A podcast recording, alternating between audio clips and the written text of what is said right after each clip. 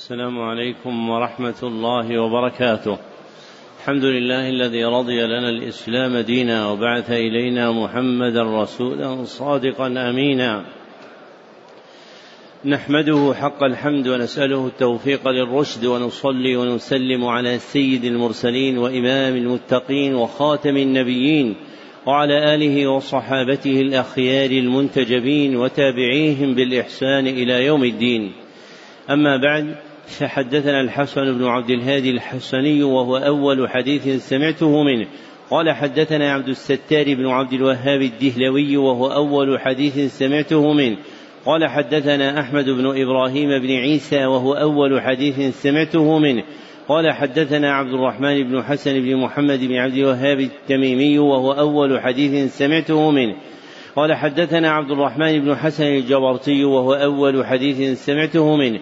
قال حدثنا محمد بن محمد الحسيني وهو أول حديث سمعته منه. حا حدثنا عاليا درجة الحسن بن عبد الهادي الحسني وهو أول حديث سمعته منه. قال حدثنا عبد الستار بن عبد الوهاب الدهلوي وهو أول حديث سمعته منه. قال حدثنا محمد بن خليل الحسني وهو أول حديث سمعته منه. قال حدثنا محمد بن أحمد البهي وهو أول حديث سمعته منه. قال حدثنا محمد بن محمد الحسيني وهو أول حديث سمعته منه. قال حدثنا داود بن سليمان الخربتاوي وهو أول حديث سمعته منه. قال حدثنا محمد الفيومي المصري وهو أول حديث سمعته منه. قال حدثنا يوسف بن عبد الله الأرميوني وهو أول حديث سمعته منه. قال حدثنا عبد الرحمن بن أبي بكر السيوطي وهو أول حديث سمعته منه. قال حدثنا عبد الرحمن بن علي بن عمر بن علي بن الملقن وهو أول حديث سمعته منه. قال حدثنا جدي عمر بن علي بن الملقن وهو أول حديث سمعته منه.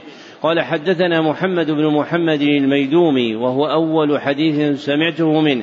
قال حدثنا عبد اللطيف بن عبد المنعم الحراني وهو أول حديث سمعته منه. قال حدثنا عبد الرحمن بن علي بن الجوزي وهو أول حديث سمعته منه. قال حدثني إسماعيل بن أبي صالح النيسابوري وهو أول حديث سمعته منه. قال حدثنا أبي أحمد بن عبد الملك النيسابوري وهو أول حديث سمعته منه. قال حدثنا محمد بن محمد الزيادي وهو أول حديث سمعته منه. قال حدثنا أحمد بن محمد البزاز وهو أول حديث سمعته منه. قال حدثنا عبد الرحمن بن بشر بن الحكم وهو أول حديث سمعته منه. قال حدثنا سفيان بن عيينة وهو أول حديث سمعته منه. عن عمرو بن دينار عن أبي قابوس مولى عبد الله بن عمرو عن عبد الله بن عمرو بن العاص رضي الله عنهما أنه قال قال رسول الله صلى الله عليه وسلم الراحمون يرحمهم الرحمن ارحموا من في الأرض يرحمكم من في السماء. وبعد فهذا المجلس السابع والعشرون في قراءة الكتاب السابع من برنامج قراءة كتب الحديث بالسرد المجود في سنته السابعة أربعين وأربعمائة وألف.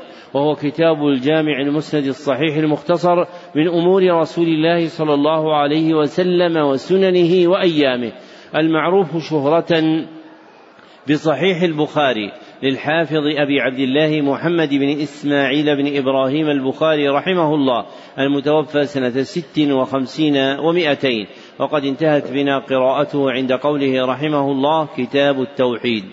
نعم. الحمد لله رب العالمين وصلى الله وسلم على نبينا محمد وعلى آله وصحبه أجمعين. اللهم اغفر لشيخنا ولوالديه ولمشايخه وللمسلمين أجمعين.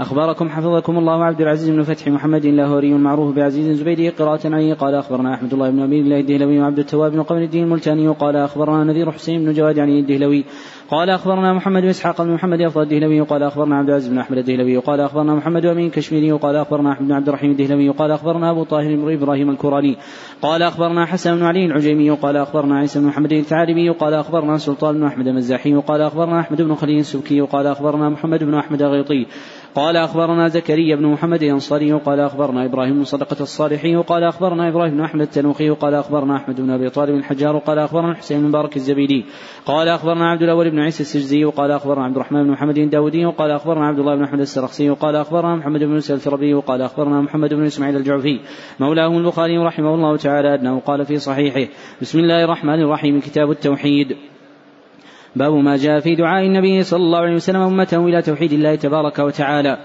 قال حدثنا أبو عاصم قال حدثنا زكريا بن إسحاق عن يحيى بن عبد الله بن صيفين عن أبي معبد عن عباس رضي الله عنهما أن النبي صلى الله عليه وسلم بعث معاذا إلى اليمن.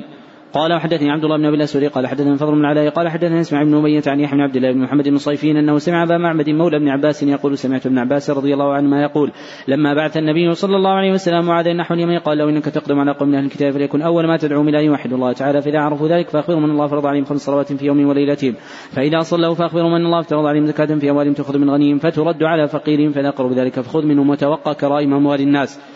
قال حدثنا محمد بن بشار قال حدثنا غدار قال حدثنا شعبة عن أبي حصين والاشعث بن سليم أنه ما سمع الأسود بن هلال عن معاذ بن جبل رضي الله عنه أنه قال قال النبي صلى الله عليه وسلم يا معاذ أتدري ما حق الله على العباد قال الله ورسوله أعلم. قال ان يعبدون ولا يشركوا به شيئا. أتدري ما حقهم عليه قال الله ورسوله أعلم. قال ألا يعذبهم. قوله عن أبي حصين تقدم أن هذه الكنية وقعت في هذا الاسم بفتح الحاء في ثلاثة رواة فقط وما عداهم فبضمها في الأسماء والكنى. أولهم أبو حصين عثمان بن عاصم الكوفي. وثانيهم أبو حصين عبد الله بن أحمد بن يونس اليربوع الكوفي.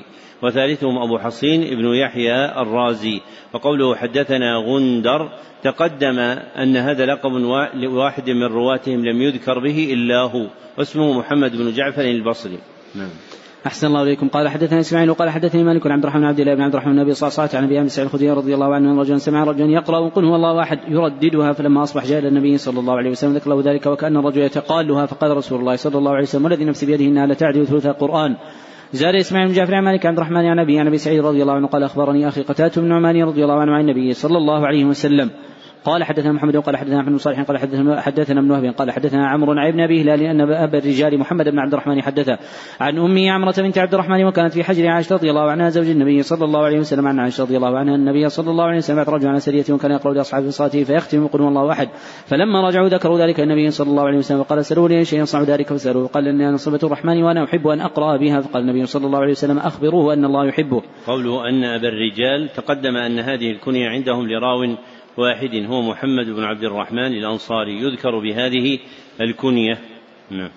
أحسن الله إليكم. قال رحمه الله تعالى باب قول الله تبارك وتعالى قل ادعوا الله أو ادعوا الرحمن أو ادعوا الرحمن أيما تدعوا فله الأسماء الحسنى. باب قول الله تقدم أن هذه الترجمة من أمهات التراجم عند البخاري وأنه ذكرها في مئة وأربعة وأربعين موضعا وقال في مئة واحد وسبعين موضعا باب قوله تعالى. ووقع عنده في مئتين وأربعة وثلاثين ترجمة أن يقول باب ثم يترجم بآية. نعم. أحسن الله إليكم. قال حدثنا محمد قال أخبرنا معاوية عن عن زيد بن وهب وأبي ظبيان عن جرير بن عبد الله رضي الله عنه أنه قال قال رسول الله صلى الله عليه وسلم لا يرحم الله من لا يرحم الناس. قال حدثنا أبو العماني قال حدثنا حماد بن زيد عن عاصم الأحول عن أبي عثمان النهدي عن أسامة بن زيد رضي الله عنه أنه قال كنا عند النبي صلى الله عليه وسلم جاء رسول إحدى بناته يدعوه إلى إلى ابنها في الموت فقال النبي صلى الله عليه وسلم ارجع فأخبرها ان أن لله ما أخذ وله ما أعطاه كل شيء عنده بأجل مسمى فمرها فلتصبر تحتسب فعلت الرسول أنها أقسمت لتاتينا فقام النبي صلى الله عليه وسلم وقام معه سعد بن عبادة ومعاذ بن جبل رضي الله عنه فدفع الصبي إليه ونفسه تقعقع كأنها في شن فاضت عيناه. فقال له سعد يا رسول الله هذه رحمة جعلها الله عز وجل في قلوب عباده وإنما يرحم الله من عباده الرحماء باب قول الله تعالى أنا الرزاق ذو قوة متين قال حدثنا عبدان قال عن أبي حمزة عن عن سعيد بن جبير عن أبي عبد الرحمن السلمي عن أبي موسى الأشعري رضي الله عنه أنه قال قال النبي صلى الله عليه وسلم أحد أصبر على أذى سمعه من الله يدعون له الولد ثم يعافيهم ويرزقهم. قوله حدثنا عبدان تقدم أن هذا لقب لراو واحد من رواتهم واسمه عبد الله بن عثمان ابن جبلة المروزي قوله عن الأعمج الأعمش تقدم أن هذا لقب لراو واحد من رواتهم يذكر به واسمه سليمان بن مهران الكاهلي. نعم. أحسن الله إليكم. قال رحمه الله تعالى قول الله تعالى عالم الغيب فلا يظهر على غيبه أحدا وقوله وإن الله عنده علم الساعة وأنزله بعلمه وقوله ما تحمل من طع إلا بعلمه وقوله إليه رد علم الساعة قال يحيى الظاهر على كل شيء علما والباطن على كل شيء علما قال حدثنا خالد مخلد قال حدثنا سليمان بن بلال قال حدثني عبد الله بن دينار عن ابن عمر رضي الله عنه عن النبي صلى الله عليه وسلم أنه قال مفاتيح الغيب خمس لا يعلمها إلا الله عز وجل لا يعلم ما تغيض الارحام إلا الله ولا يعلم ما في غد إلا الله ولا يعلم متى يأتي المطر واحد إلا الله ولا تدري نفس بأي ارض تموت إلا الله ولا يعلم متى تقوم الساعة إلا الله عز وجل. قال حدثنا محمد يوسف قال حدثنا سفيان عن إسماعيل عن شعبي عن مسروق عن عائشة رضي الله عنها أنها قالت من حدثك أن محمدا صلى الله عليه وسلم رأى ربه فقد كذب ويقول لا تدرك الأبصار ومن حدثك أنه يعلم الغيب فقد كذب وهو يقول لا يعلم الغيب إلا الله. قول الله تعالى السلام المؤمن. قال حدثنا أحمد بن يوسف قال حدثنا زهير قال حدثنا مغيرة قال مغيرة قال حدثنا شقيق بن سلمة قال قال عبد الله رضي الله عنه كنا نصلي خلف النبي صلى الله عليه وسلم نقول السلام على الله فقال النبي صلى الله عليه وسلم إن الله والسلام لكن قولوا التحيات لله والصلوات والطيبات السلام عليك ايها النبي ورحمة الله وبركاته السلام علينا وبعد الله الصالحين أشهد أن لا إله إلا الله وأشهد أن محمدا عبده ورسوله.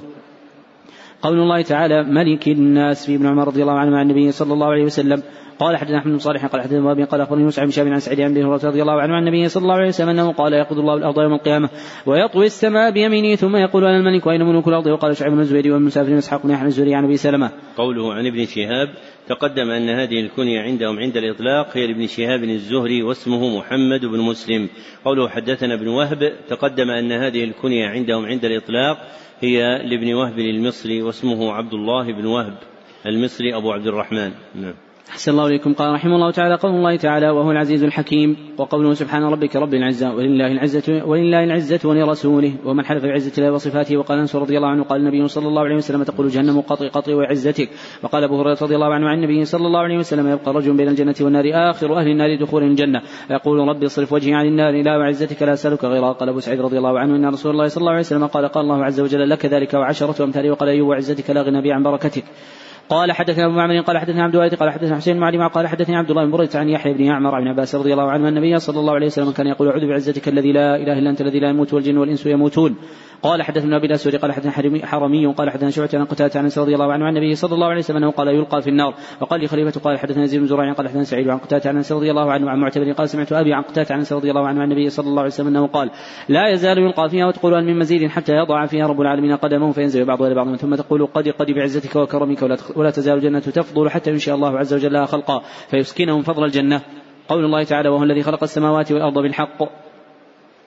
قال حدثنا قبيصة قال حدثنا سفيان عن مجرد عن سليمان وعن طاووس عن عباس رضي الله عنه أنه قال كان النبي صلى الله عليه وسلم يدعو من الليل اللهم لك الحمد انت رب السماوات والأرض لك الحمد انت قيم السماوات والأرض من فينا لك الحمد انت نور السماوات والأرض قولك الحق وعدك الحق ولقاؤك حق والجنة حق والنار حق والساعة حق اللهم لك أسلمت وبك آمنت وعليك توكلت وعليك نمت وبك خاصمت وعليك حكمت فاغفر لي ما قدمت وما أخرت وأسررت واعلنت أنت إلهي لا إله غيرك. قوله عن طاووس تقدم أنه ليس في رواتهم من اسمه طاووس سوى راو واحد هو طاووس بن كيسان اليماني. قوله عن ابن جريج تقدم أن هذه الكنية عندهم عند الإطلاق هي لابن جريج المكي واسمه عبد الملك بن عبد العزيز. نعم.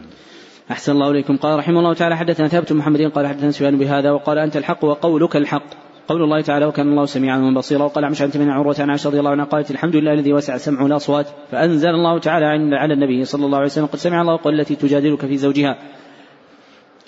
قال حدثنا سليمان بن قال حدثنا حماد بن زيد عن يوبان بن عثمان عن ابن موسى رضي الله عنه قال كنا مع النبي صلى الله عليه وسلم بسبب كنا إذا علمنا كبرنا فقال اربعوا على أنفسكم إنكم لا تدعون صما ولا غائبا تدعون سميعا بصيرا قريبا ثم تعلي وأنا أقول في نفسي لا حول ولا قوة إلا بالله فقال يا عبد الله بن قيس قل لا حول ولا قوة إلا بالله فإنها كنز من كنوز الجنة وقال لا أدلك به. قال حدثني احمد سليمان قال حدثني باب قال اخبرني عمرو عن زيد عن بخير أنه سمع عبد الله بن عمرو رضي الله عنه أن أبا بكر الصديق رضي الله عنه قال للنبي صلى الله عليه وسلم يا رسول الله علمني دعاء أدعو به في صلاتي قال قل اللهم إني ظلمت نفسي ظلما كثيرا ولا يغفر الذنوب إلا أنت فاغفر لي مغفرة فاغفر لي من عندك من عندك مغفرة إنك أنت الغفور الرحيم. قوله عن أبي الخير تقدم أن هذه الكنية عندهم لراو واحد يذكر بها وهو أبو الخير المصري واسمه مرثد بن عبد الله اليزني. نعم. أحسن الله إليكم. قال رحمه الله تعالى حدثنا عبد الله بن يوسف قال أخبر ابن قال أخبرني موسى عن شهاب قال حدثني عروة عن عائشة رضي الله عنها حدثته أنه قال, قال حدثته قالت قال النبي صلى الله عليه وسلم إن جبريل عليه السلام ناداني. قال إن الله قد سمع قول قومك قومك وما ردوا عليك. قال قال إن الله قد سمع قول قومك وما ردوا عليك. قول الله تعالى قل هو القادر. قال حدثني إبراهيم المنذري قال حدثنا بن عيسى قال حدثني عبد الرحمن بن الموالي قال سمعت محمد بن كثير أنه قال يحدث عن عبد الله بن حسن. يقول أخبرني جابر بن عبد الله السلمي رضي الله عنه قال كان رسول الله صلى الله عليه وسلم يعلم أصحابه الاستخارة في الأمور كلها كما يعلم سورة من القرآن يقول إذا هم أحدكم بالأمر فليركع ركعتين من غير الفريضة ثم يقول اللهم إني أستخيرك بعلمك وأستقدرك بقدرتك وأسألك من فضلك فإنك تقدر ولا أقدر وتعلم ولا أعلم وأنت علام الغيوب. اللهم فإن كنت تعلم هذا الأمر ثم يسميه بعينه خيرا لي في عاجل أمري واجله قال أو في ديني وعاشي عاقبة أمري فاقدره لي ويسر لي ثم بارك فيه. اللهم وإن كنت تعلم أنه شر لي في ديني وعاشي عاقبة أمري أو قال في عاجل أمري واجله. فاصرفه عني واقدر لي الخير ثم حيث كان ثم ردني به. مقلب القلوب وقول الله تعالى ونقلب أفئدتهم وبصارهم قال حدثني سعيد بن سليمان عن المبارك عن مسلم عقبة عن سامع عن عبد الله رضي الله عنه أنه قال أكثر ما كان النبي صلى الله عليه وسلم يحلف لا ومقلب القلوب. إن لله مئة اسم إلا واحدة. قال ابن عباس رضي الله عنه ذو الجلال العظمة البر اللطيف. قال حدثنا ابن قال أخبرنا شعيب قال حدثنا الزناد عن رجع النبي رضي الله عنه رسول الله صلى الله عليه وسلم قال إن لله تسعة وتسعين اسما مئة الا واحدة من أحصى دخل الجنة أحصيناه وحفظناه.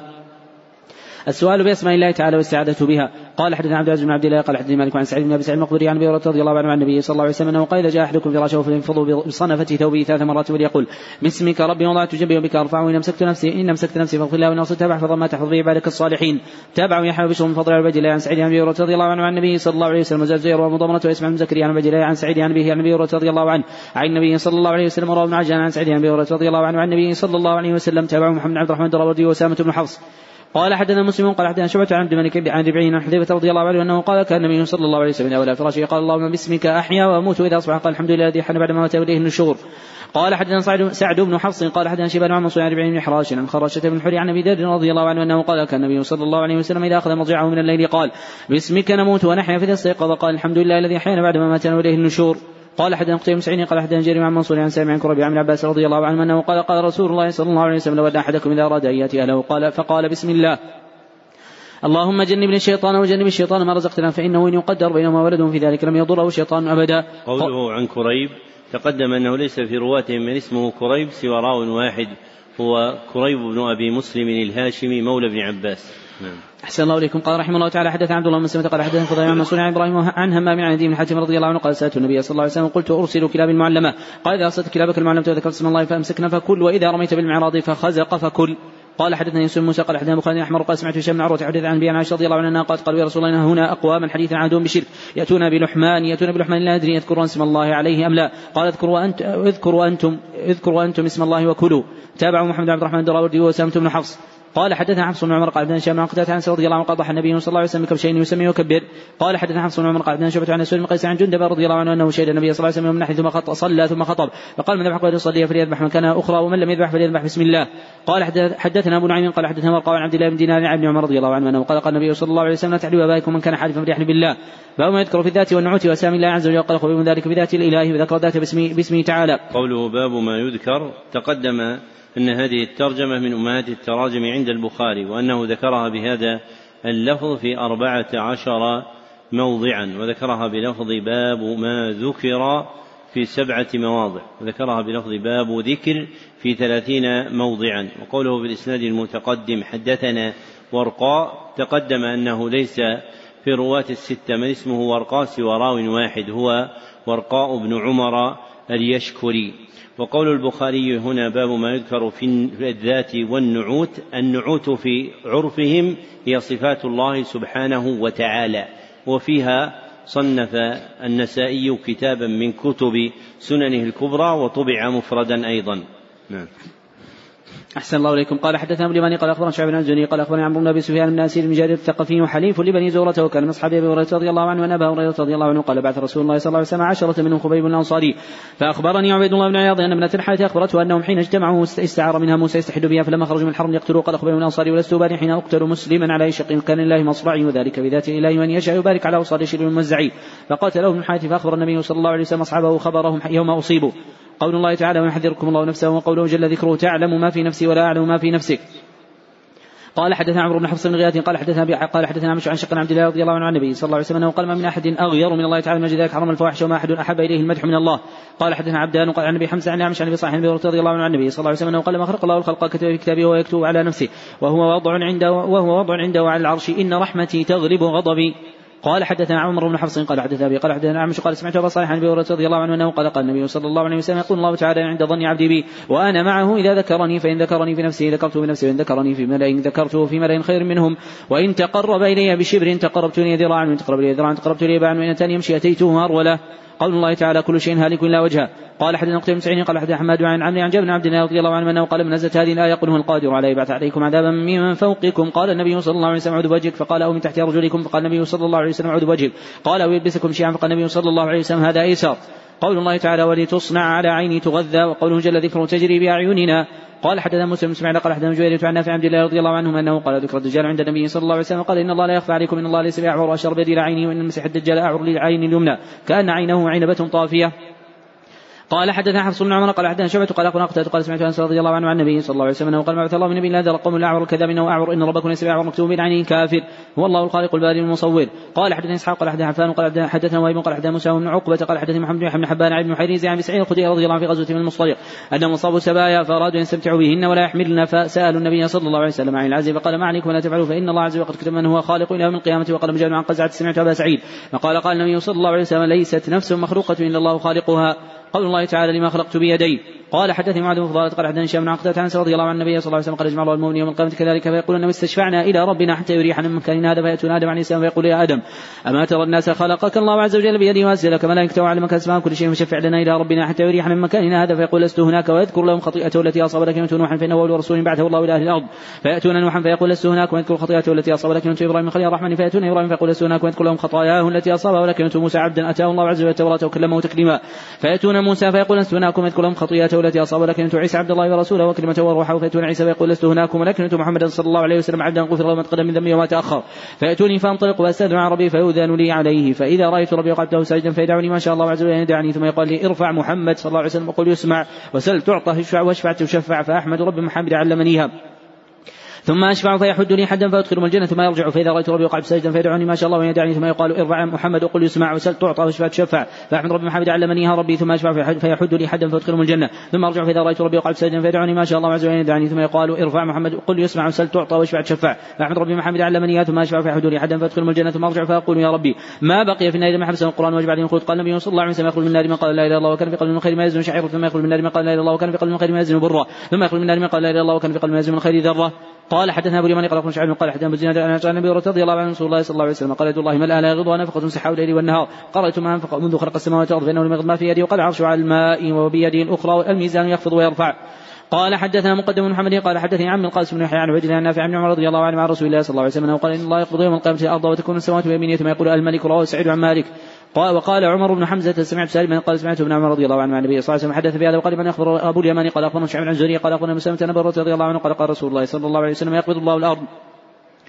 قال حدثنا مسدد وانه سمع يحيى بن سعيد عن سفيان قال حدثني منصور وسليمان وعبد إبراهيم عن عبيد عبد الله رضي الله عنه يهودي جاء النبي صلى الله عليه وسلم قال يا محمد إن الله يمسك السماوات على إصبع والأرض على إصبع والجبال على إصبع والشجر على إصبع والخلائق على إصبع. ثم يقول الملك فضحك فضحك رسول الله صلى الله عليه وسلم حتى بدت نواجذه ثم قرأ وما قدر الله حق قدره. قال يحيى بن سعيد وزاد فيه فضيل بن عياض عن منصور عن إبراهيم عبيد عبد الله رضي الله عنه قال فضحك رسول الله صلى الله عليه وسلم تعجبا وتصديقا له. قوله حدثنا مسدد تقدم أنه ليس في رواته من اسمه مسدد سوى راو واحد هو مسدد بن مسرهد الأسدي البصري.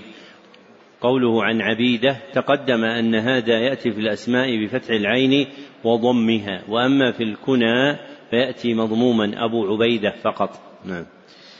أحسن الله إليكم. قال رحمه الله تعالى حدثنا عمر بن حفص بن حفص الغنيات قال حدثنا أبي قال حدثنا مش قال سمعت إبراهيم قال سمعت عقبة يقول قال عبد الله رضي الله عنه جاء رجل النبي صلى الله عليه وسلم من أهل الكتاب فقال يا أبا القاسم إن الله يمسك السماوات على إصبع والأرض على إصبع والشجرة والثرى على إصبع والخلائق على إصبع ثم يقول الملك والملك فرأيت النبي صلى الله عليه وسلم ضحك حتى من وجده ثم قرأ وما قدر الله حق قدره. قول النبي صلى الله عليه وسلم لا شخص أغير من الله. وقال عبيد عبيد الله بن عمرو عبد الملك لا شخص أغير من الله. قال حدثنا قال حدثنا موسى بن إسماعيل. قال حدث مسلم إسماعيل قال حدثنا أبو عانة قال حدثنا عبد الملك عن وراد كاتب المغيرة عن المغيرة رضي الله عنه أنه قال قال سعد بن عبادة رضي الله عنه وليت رجلا مع امرأتي اضربت بالسيف غير مصفح بلغ ذلك رسول الله صلى الله عليه وسلم قال تعجبون من غيرة سعد والله لا أنا غير منه والله غير مني من أجل غيرة لا يحرم الفاحش ما ظهر منه وما بطن ولا أحد أحب إليه العذر من الله عز وجل من أجل ذلك بعث المبشرين والمنذرين ولا أحد أحب إليه المدحة من الله من أجل ذلك وعد الله بالجنة. قوله قال سعد بن عبادة تقدم أن هذا الاسم عندهم بضم العين وفتح الباء عبادة إلا في راو واحد وقع بفتح العين والباء وهو محمد بن عبادة الواسطي شيخ البخاري. قوله عن وراد تقدم أنه ليس في رواة الستة من اسمه وراد سوى راو واحد هو وراد الثقفي مولاهم وهو مولى المغيرة بن شعبة منهم. قوله حدثنا أبو عوانة تقدم أن هذه الكنية عندهم عند الإطلاق هي لأبي عوانة اليشكري واسمه الوضاح بن عبد الله. نعم. أحسن الله إليكم. قال رحمه الله تعالى قل أي شيء أكبر شهادة وسمى الله تعالى نفسه شيئا قل الله وسمى النبي صلى الله عليه وسلم القرآن شيئا وهو صفة من صفات الله عز وجل وقال كل شيء هالك إلا وجهه. قال حدث عبد الله بن يوسف قال اخبر مالك عن أبي عن سلم سعد رضي الله عنه قال قال النبي صلى الله عليه وسلم رجل أمعك من القرآن شيء؟ قال نعم سورة كذا وسورة كذا لسور سماها. باب وكان عرشه على الماء وهو رب العرش العظيم. قال أبو العلي استوى إلى السماء ارتفع فسواهن خلقهن وقال مجاهد استوى على على على العرش. وقال ابن عباس المجيد الكريم والودود الحبيب. وقال حميد مجيد كانه فعل ماجد محمود من حميد. قال حدثنا عبدان عن أبي حمزة عن عن جامع بن عن صفوان بن محرز عن عمران بن حصين رضي الله عنه قال إن إني عند النبي صلى الله عليه وسلم جاء قوم بني تميم قالوا قل بشرى بني تميم قالوا بشرتنا فاعطنا أدخل ناس من أهل اليمن قالوا قل بشرى أهل اليمن إذ لم يقبل بنو تميم قالوا قبلنا جئناك نتفقى بدين ونسألك عن أول هذا الأمر. ما كان عن أول هذا الأمر ما كان. قال كان الله ولم يكن شيء قبله وكان عرشه عن ما ثم خلق السماوات والأرض وكتب بذكر كل شيء. ثم أتاني رجل فقال يا عمران أهدرك ناقتك وقد ذابت فانطلقت أطلبها فاذا السراب ينقطع دونها وايم الله لو وددت أنها قد ذابت ولم اقوم قال حدثنا علي بن عبد الله قال حدثنا عبد الرزاق قال أخبرنا معمر عن همام قال حدثنا أبو هريرة رضي الله عنه عن النبي صلى الله عليه وسلم أنه قال إن من الله ملأ لا يغض نفقه سحاب الليل والنهار رأيت ما أنفق منذ خلق السماوات والأرض. فإنه لم ينقص ما في يمينه وعرش على الماء بيده الأخرى الفيض أو قال القبض يرفع ويخفض. قال حدثنا أحمد قال حدثنا عبد الرزاق قال أخبرنا معمر تقدم أنه ليس في رواة البخاري من اسمه عبد الرزاق ومعمر سوى هذين فعبد الرزاق هو عبد الرزاق ابن همام الصنعاني. ومعمر هو معمر ابن راشد البصري وقوله في هذه الرواية وبيده الأخرى الفيض أو القبض جاءت الرواية على الشك ففيها ذكر الفيض بمعنى العطاء والمنح. نعم. أحسن الله إليكم. قال حدثنا أحمد قال حدثنا محمد بن أبي بكر المقدمي قال حدثنا بن زياد ثابت عن رضي الله عنه قال جاز من حتى يشكو فجعل النبي صلى الله عليه وسلم يقول اتق الله وأمسك عليك زوجك. قالت عائشة رضي الله عنه كان رسول الله صلى الله عليه وسلم كاتبا شيئا كتب هذه قال فكانت زينب تفخر على أزواج النبي صلى الله عليه وسلم تقول زوجكن أهاليكن وزوجني الله تعالى من فوق سبع سماوات. وعن ثابت في قوله تعالى وتخفي من نفسك ما الله مبديه وتخشى الناس. قال نزلت في شأن زينب وزيد بن حارثة رضي الله عنهما. قال حدثنا خلاد بن قال حدثنا عيسى بن طهمان. قال سمعت أنس بن مالك رضي الله عنه يقول نزلت آية حجاب زينب بنت جحش وأطعم عليها يومئذ الخبز ولحمه وكانت تفخر على نساء النبي صلى الله عليه وسلم وكانت تقول إن الله أنكحني في السماء. قال حدثنا مريم قال اخبرنا شعيب قال حدثنا مزيد عن رجع عن رضي الله عنه عن النبي صلى الله عليه وسلم قال إن الله إن الله لما قضى خلق كتب عنده فوق عرشه إن رحمتي سبقت غضبي. قوله عن الأعرج تقدم أن هذا لقب لجماعة من الرواة في رواة الستة وعند الإطلاق فالمراد به عبد الرحمن بن هرمز المدني. قوله حدثنا أبو الزناد تقدم أن هذه كنية لراو واحد من رواتهم وهو عبد الله بن ذكوان المدني. قوله حدثنا أبو اليمان تقدم أن هذه الكنية عند الإطلاق هي لأبي اليمان الحمصي واسمه الحكم بن نافع شيخ البخاري. نعم. أحسن الله إليكم قال رحمه الله تعالى حدثنا إبراهيم بن المنذر قال حدثنا محمد بن فريح قال حدثني أبي قال حدثنا هلال حدثني هلال عطاء بن يسار عن أبي هريرة رضي الله عنه عن النبي صلى الله عليه وسلم أنه قال من آمن بالله ورسوله وقام صلاة وصام رمضان كان حقا على الله يدخله الجنة هاجر في سبيل الله وجلس في أرض التي ولد فيها قالوا يا رسول الله أفلا ننبئ الناس بذلك قال إن في الجنة 100 درجة أعد الله للمجاهدين في سبيله كل درجتين ما بينهما كما بين السماء والأرض فإذا سألتم الله عز وجل فاسألوه الفردوس فإنه وسط الجنة وأعلى الجنة وفوقه عرش الرحمن ومنه ومنه تفجر أنهار الجنة. قوله حدثني محمد بن فليح قال حدثني أبي تقدم أنه ليس في رواة الستة من اسمه فليح سوى راو واحد هو فليح بن سليمان المدني. نعم. أحسن الله إليكم. قال رحمه الله تعالى حدثنا أحمد جعفر قال حدثنا أبو عن نعمش عن إبراهيم والتيمي وعن أبيه عن أبي ذر رضي الله عنه أنه قال دخلت المسجد ورسول الله صلى الله عليه وسلم جالس فلما غربت الشمس قال يا أبا ذر هل تدري أن تذهب هذه؟ قال قلت الله ورسوله أعلم. قال فإنها تذهب تستأذن السجود فيؤذن لها وكأنها قد قيل لها ارجعي من حيث جئت فتطلع من مغربها. ثم قرأ ذلك ذلك مستقر لا في قراءة عبد الله. قوله حدثنا أبو معاوية تقدم أن هذه الكنية عندهم عند الإطلاق هي لأبي معاوية الكوفي وهو محمد بن قازم الضرير. نعم. أحسن الله إليكم. قال حدثنا موسى عن إبراهيم قال حدثنا من شهاب بن عبيد بن السباق أن زيد بن ثابت رضي الله عنه قال حدثني عبد الرحمن بن خالد عن شهاب بن السباق أن زيد بن ثابت رضي الله عنه حدثه وقال أرسل لي أبو بكر واتبعت القرآن حتى وجدت آخر سورة التوبة مع أبي خزيمة فأنصار لم أجد معه غير لقد جاءكم رسول من أنفسكم حتى خاتمة براءة. قوله عن عبيد بن السباق هذه الكنية ابن السباق. الواقعة في الإسناد الثاني أيضا عن ابن السباق هي لراو واحد من رواتهم ولابنه فالأب اسمه عبيد بن السباق المدني وابنه اسمه سعيد بن عبيد ابن السباق كلاهما يذكر بابن السباق لكن الابن لا رواية له في الصحيحين نعم. أحسن الله إليكم. قال رحمه الله تعالى حدثنا أحمد بن قال حدث ليث عن يوسف حدث بهذا وقال مع أبي خزيمة الأنصاري. قال حدثنا معل بن اسد قال حدثنا وابن عن سعيد قتادة عن أبي العالية عن عباس رضي الله عنه أنه قال كان النبي صلى الله عليه وسلم يقول عند كرب لا إله إلا الله العليم الحليم لا إله إلا الله رب العرش العظيم لا إله إلا الله رب السماوات ورب الأرض رب العرش الكريم. قال حدثنا محمد بن يوسف قال حدثنا سفيان عن عمرو بن حنبي النبي سعيد الخدري رضي الله عنه عن النبي صلى الله عليه وسلم أنه قال قال النبي صلى الله عليه وسلم يصعقون يوم القيامه فاذا موسى اخذ بقائمه من قوام العرش.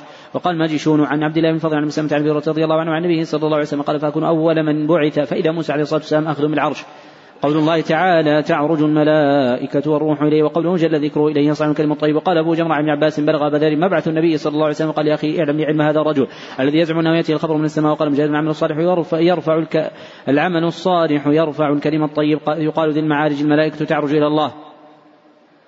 قال حدثنا إسماعيل قال حدثنا مالك عن زياد عن راجع عن الأعرج عن أبي هريرة رضي الله عنه أن رسول الله صلى الله عليه وسلم قال تعاقبون فيكم ملكت بالليل وملكت بالنهار واجتمعون في صلاة العصر وصلاة الفجر. ثم يعرج الذين باتوا فيكم فيسألهم وهو أعلم فيسألهم وهو أعلم بكم. وهو أعلم بكم فيقول كيف تركتم عبادي؟ فيقولون تركناهم وهم يصلون وآتيناهم وهم يصلون. وقال خالد مخرج حدث سليمان قال حدثني عبد الله بن دينار عن صالح بن رضي الله عنه أنه قال قال رسول الله صلى الله عليه وسلم صدق بعد تمرة من كسب طيب ولا يصعد إلى الله إلا الطيب فإن الله يتقبل بيمينه ثم يربي صاحبه كما يربي أحدكم فلو كما يربي أحدكم فلوه حتى تكون مثل الجبل. وروى ورقاء عن عبد الله بن دينار عن سعيد بن سعد رضي الله عنه عن النبي صلى الله عليه وسلم في قوله تعالى ولا يصعد ولا يصعد قال ولا يصعد إلى الله إلا الطيب قال حدثنا عبد الاعلى قال ابن حماد قال حدثنا يزيد بن زرعين قال حدثنا سعيد بن عن أبي العالية عن عباس رضي الله عنه النبي صلى الله عليه وسلم كان يدعو بهن عند الكرب لا إله إلا الله العظيم الحليم لا إله إلا الله رب العرش العظيم لا إله إلا الله رب السماوات ورب العرش الكريم قال حدثنا قبيصة قال حدثنا سفيان عن أبي عن أبي نعم أو قال أبي نعم شك قبيصة عن أبي سعيد رضي الله عنه قال بعث النبي صلى الله عليه وسلم بذهيبة وقسمها فقسمها بين أربعة. قوله عن ابن أبي نعم أو أبي نعم هذه الكنية عندهم لراو واحد يقال له ابن أبي نعم واسمه عبد الرحمن ابن أبي نعم المدني. نعم. أحسن الله إليكم. قال وحدثني إسحاق بن نصر قال حدثنا عبد الرزاق قال أخبرنا سفيان عن أبي عن أبي نعم عن أبي سعيد الخدري رضي الله عنه قال بعث علي رضي الله عنه باليمن إلى النبي صلى الله عليه وسلم بذهيبة من تربتها فقسم بين أقرع بن حبس حنظلية ثم أحد بني مجاشع وبين عوينة بن بدر الفزاري وبين عقبة بن عبادة العامرية ثم أحد بني كلاب وبين زيد بين زيد الخيل الطائي ثم أحد بني نبهان فتغضبت قريش والأنصار فقالوا يعطيه صناديد أهل النجم ويدعونا قال إنما أتألف فأقبل رجل غير العينين ناتئ الجبين كث اللحية مشرب الوجنتين محلوق الرأس وقال يا محمد اتق الله فقال النبي صلى الله عليه وسلم فمن يطيع الله إذا عصيته. فيأمني على أهل الأرض ولا تأمنوني. فسار رجل من قومي قتله وراه خالد من الوليد. فمنعه النبي صلى الله عليه وسلم فلما ولقى النبي صلى الله عليه وسلم إن من ضغطه هذا قوم يقرؤون القرآن لا يجاوز حناجر من قوم الإسلام مرق من رمي يقتلون أهل الإسلام ويدعون أهل الأوثان. لئن أدركتم لأقتلنهم قتل عاد. قال حدثنا عياش بن الوليد قال حدثنا وكيع لا مشعر إبراهيم تيمية عن ابي عن أبي ذر رضي الله عنه أنه قال سألت النبي صلى الله عليه وسلم عن قوله والشمس تجري لمستقر الله قال مستقرها تحت العرش. قوله حدثنا وكيع. تقدم أنه ليس في رواة البخاري من اسمه وكيع سوى وراو واحد. هو وكيع بن الجراح بن مليح الرؤاسي. نعم. أحسن الله إليكم. قال رحمه الله تعالى قول الله تعالى وجوه يومئذ ناظرة إلى ربها ناظرة. قال حدثنا عمرو بن عون قال حدثنا خالد بن هشيم عن إسماعيل عن قيس عن جرير قال كنا جلوسا عند النبي صلى الله عليه وسلم إذ نظر إلى قبل بدر قال إنكم سترون ربكم كما ترون هذا قالوا لا تضامون في رؤيته. إن استطعتم ألا تغلب على صلاه قبل طلوع الشمس وصلاة قبل غروب الشمس فافعلوا. قال حدثنا يوسف بن موسى قال حدثنا عاصم بن يوسف اليربوعي قال حدثنا أبو شهاب عن إسماعيل بن أبي خالد عن قيس بن أبي حازم عن جرير بن عبد الله رضي الله عنه قال قال النبي صلى الله عليه وسلم إنكم سترون ربكم عيانا قال حدثنا قوله في الإسناد متقدم وهو شيم تقدم أنه ليس في رواة الستة من اسمه هشيم سوى هشيم بن بشير الواسطي. أحسن الله إليكم. قال رحمه الله تعالى حدثنا يوسف بن موسى قال حدثنا عاصم بن يوسف يربع قال حدثنا أبو شهاب عن إسماعيل بن خالد عن قسم بن أبي حزم عن جابر بن عبد الله رضي الله عنه أنه قال قال النبي صلى الله عليه وسلم إنكم سترون ربكم عيادا. قال حدثنا عبد بن عبد الله قال حدثنا حسين الجعفي عن زائدة قال حدثنا بيان بن بشر عن بن أبي حازم قال حدثنا جرير رضي الله عنه أنه قال خرج علينا رسول الله صلى الله عليه وسلم ليلة بدر وقال إنكم سترون ربكم يوم القيامة. كما ترون هذا لا تضامون في رؤيته. قوله حدثنا عبده تقدم أن هذا الاسم عندهم بسكون الباء ووقع محركا في راويين أحدهما بجالة بن عبدة التميمي اتفاقا والآخر عامر بن عبدة البجلي وذكر سكونه والفتح أشهر نعم. أحسن الله إليكم. قال رحمه الله تعالى حدثنا عبد العزيز بن عبد الله قال حدثنا إبراهيم بن سعد عن شاب عن طيب بن يزيد التي عن أبي رضي الله عنه الناس قالوا يا رسول الله النار ربنا يوم القيامة قال رسول الله صلى الله عليه وسلم هل تضارون في القمر ليلة قال لا يا رسول الله. قال فهل تضارون في الشمس؟ يسدون أصحاب قال لا يا رسول الله. قال فإنكم ترونه كذلك يجمع الله الناس يوم القيامة فيقول من كان يعبد شيئا فليتبع. فيتبع من كان يعبد الشمس الشمس ويتبع من كان يعبد القمر. القمر ويتبع ويتبع من كان يعبد الطاغية. الطاغية وتبقى هذه الأمة فيها شافعوها أو قال منافقوها. شك إبراهيم فيأتيهم الله عز وجل فيقول ربكم. فيقولون هذا مكان حتى يأتينا ربنا فإذا جاءنا ربنا عرفناه فيأتيهم الله عز وجل في الصورة التي يعرفون فيقول أنا ربكم فيقول أنت ربنا فيتبعونه ويضرب الصراط بين ظهري جهنم فأكون أنا وأمتي أول من يجيزها ولا تكلم يومئذ إلا الرسل ودعوى الرسل يومئذ اللهم سلم سلم. وفي جهنم كلاليم مثل شوك السعدان رأيتم السعدان قال نعم يا رسول الله قال فإنها مثل شوك السعدان غير أنه لا يعلم ما قدر عظامها إلا الله عز وجل. تخطب الناس بأعمالهم فمنهم الموبق بقي بعمله أو يقال الموثق بعمله. ومنهم المخردل وقال المجازى أو نحوه ثم يتجلى حتى إذا فرغ الله عز وجل من قضاء بين عباده وأراد أن يخرج أن يخرج برحمته من أراد من أهل النار. أمر الملائكة أن يخرجوا من النار من كان لا يشرك بالله شيئا مما أراد الله عز وجل يرحمه ممن يشهد أن لا إله إلا الله فيعرفونهم في النار. بأثر السجود تأكل النار ابن آدم إلا أثر السجود. حرم الله على النار أن تأكل أثر السجود. فيخرج من النار قد امتحشوا ويصب عليهم ماء الحياة فيموتون تحته كما تموت الحبة في حميل السيل. ثم يفرغ الله عز وجل من القضاء بين عباده من بين العباد ويبقى رجل مقبل بوجهه على النار. هو آخر أهل النار دخول الجنة. فيقول أي رب اصرف وجهي عن النار فإنه قد قشبني ريحها وأحرقني ذكاؤها فيدعو الله عز وجل ما شاء أن يدعوه ثم يقول الله عز وجل هل عسيت إن أعطيت ذلك أن تسألني غيره؟ فيقول لا عزتك لا أسألك غيره ويعطي ربه من عهوده وما ثيق ما شاء الله عز وجل ما شاء فيصرف الله عز وجل وجهه عن النار فيقول على الجنة ورآها سكت ما شاء الله وينسكت ثم يقول أي رب قدمني إلى باب الجنة؟ فيقول الله عز وجل ألست قد أعطيت عهودك ومواثيقك ألا تسألني غير الذي أعطيت أبدا؟ ويلك يا ابن آدم ما أغدرك فيقول أي ربي ويدعو الله عز وجل حتى يقول هل عسيت إن أعطيت ذلك أن تسأل غيره؟ فيقول لا عزتك لا أسأل غيره ويعطي ما شاء من عهوده ومواثيقه فيقدمه إلى باب الجنة فإذا قام إلى باب الجنة فإذا قام إلى باب الجنة فهقت له الجنة فرأى ما فيها من الحبرة والسرور. فيسكت ما شاء الله وأن يسكت ثم يقول أي ربي أدخلني الجنة؟ فيقول الله عز وجل ليس قد أعطيت عهودك وما لا غير, غير ما أعطيت. فيقول ويلك يا ابن آدم ما أغدرك فيقول أي ربي لا أكونن أشقى خلقك فلا يزال يدعو الله عز وجل حتى يضحك. الله عز وجل منه فإذا ضحك منه قال له ادخل الجنة. فإذا دخلها قال الله عز وجل له تمنى. فسأل ربه وتمنى حتى إن الله عز وجل يذكره يقول كذا وكذا حتى انقطعت به الأماني. الله عز وجل ذلك لك ومثله معه. قال عطاء بن يزيد وابو سعيد الخدري رضي الله عنه مع أبي هريرة رضي الله عنه يرد عليه من حديث شيئا حتى اذا حدث أبو هريرة رضي الله عنه الله تبارك وتعالى قال ذلك لك ومثله مع قال أبو سعيد الخدري رضي الله عنه عشرة وامثاله معه. يا أبا هريرة قال أبو هريرة رضي الله عنه ما حفظت إلا قوله ذلك لك ومثله مع قال أبو سعيد الخدري أشهد أني حفظت من رسول الله صلى الله عليه وسلم قوله ذلك. قول قوله ذلك لك وعشره قوله ذلك لك وعشرة امثاله قال أبو هريرة رضي الله عنه ذلك الرجل. آخر أهل الجنة دخولا الجنه قال حدثني أحمد بن قال حدثني عن خالد بن يزيد عن سعيد بن أبي عن زيد بن عطاء بن عن عطاء بن يسار بن رضي الله عنه قال قلنا يا رسول الله هل نرى ربنا يوم القيامة؟ قال هل تضارون في رؤية الشمس والقمر؟ إذا كانت صحوا قلنا لا قال فإنكم لا تضارون في رؤية ربكم يوم الا كما تضارون في رؤية ما ثم قال ينادي مناد ليذهب كل قوم لما كانوا يعبدون فيذهب أصحاب الصليب مع صليبهم وأصحاب الأوثان مع أوثانهم وأصحاب كل آلهة مع الهاتهم حتى يبقى من كان يعبد الله من بر أو فاجر وغبرات أهل الكتاب وغبرات من أهل الكتاب ثم يؤتى بجهنم. تعرض كناس رب فيقال اليهود ما كنت تعبدون؟ قالوا كنا نعبد عزير بن الله فيقال كذبتم لم يكن لله صاحبة ولا ولد فما تريدون قال نريد أن تسقينا فيقال اشربوا. فيتساقطون في جهنم ثم يقول النصارى ما كنتم تعبدون؟ فيقولون كنا نعبد المسيح من الله فيقال كذبتم لم يكن لا صاحبة ولا ولد فما تريدون فيقول نريد أن تسقينا فيقال اشربوا فيتساقطون حتى يبقى من كان يعبد الله من بر أو فاجر. فيقال لهم ما يحبسكم؟ وقد ذهب الناس ويقولون فارقنا ونحن أحوج منا إليه اليوم. وإنا سمعنا منادي ينادي ليلحق كل قوم من بما كانوا يعبدون وإنما ننتظر ربنا. قال فيأتيهم الجبار فيقول أنا ربكم؟ فيقول أنت ربنا فلا يكلم إلا الأنبياء. فيقول هل بينكم وبينه آية تعرفونه فيقولون الساق فيكشف عن ساقه عز وجل فيسجد له كل مؤمن ويبقى من كان يسجد الله رياء وسمعة فيذهب كما يسجد فيعود ظهره طبقا واحدا ثم يؤتى بالجسر فيجعل بين ظهراني جهنم ظهر جهنم. قلنا يا رسول الله وما الجسر؟ قال مدحضة مزلة عليه خطاطيف وكلاليب وحسكة مفلطحة لا شوكة عقيفاء وتكون بنجد يقال لها السعدان المؤمن عليها كالطرف وكالبرق وكالريح وكجاويد الخيل والركاب فناج مسلم وناج مخدوش ومخدوش من الجهنم حتى يمر آخرهم يسحب سحبا فما أنتم بأشد لي مناشدة من حق قد تبين لكم من المؤمن يومئذ الجبار. وإذا رأوا وإذا رأوا أنهم قد نجوا في إخوانهم يقولون ربنا إخواننا كانوا يصلون معنا ويصومون معنا ويعملون معنا. فيقول الله عز وجل يقول الله تعالى إذهبوا فما وجدتم في قلبه مثقال مثقال دينار من إيمان فاخرجوه ويحرم الله عز وجل صورهم عن النار فيأتونهم بعضهم قد غاب في النار إلى قدمه.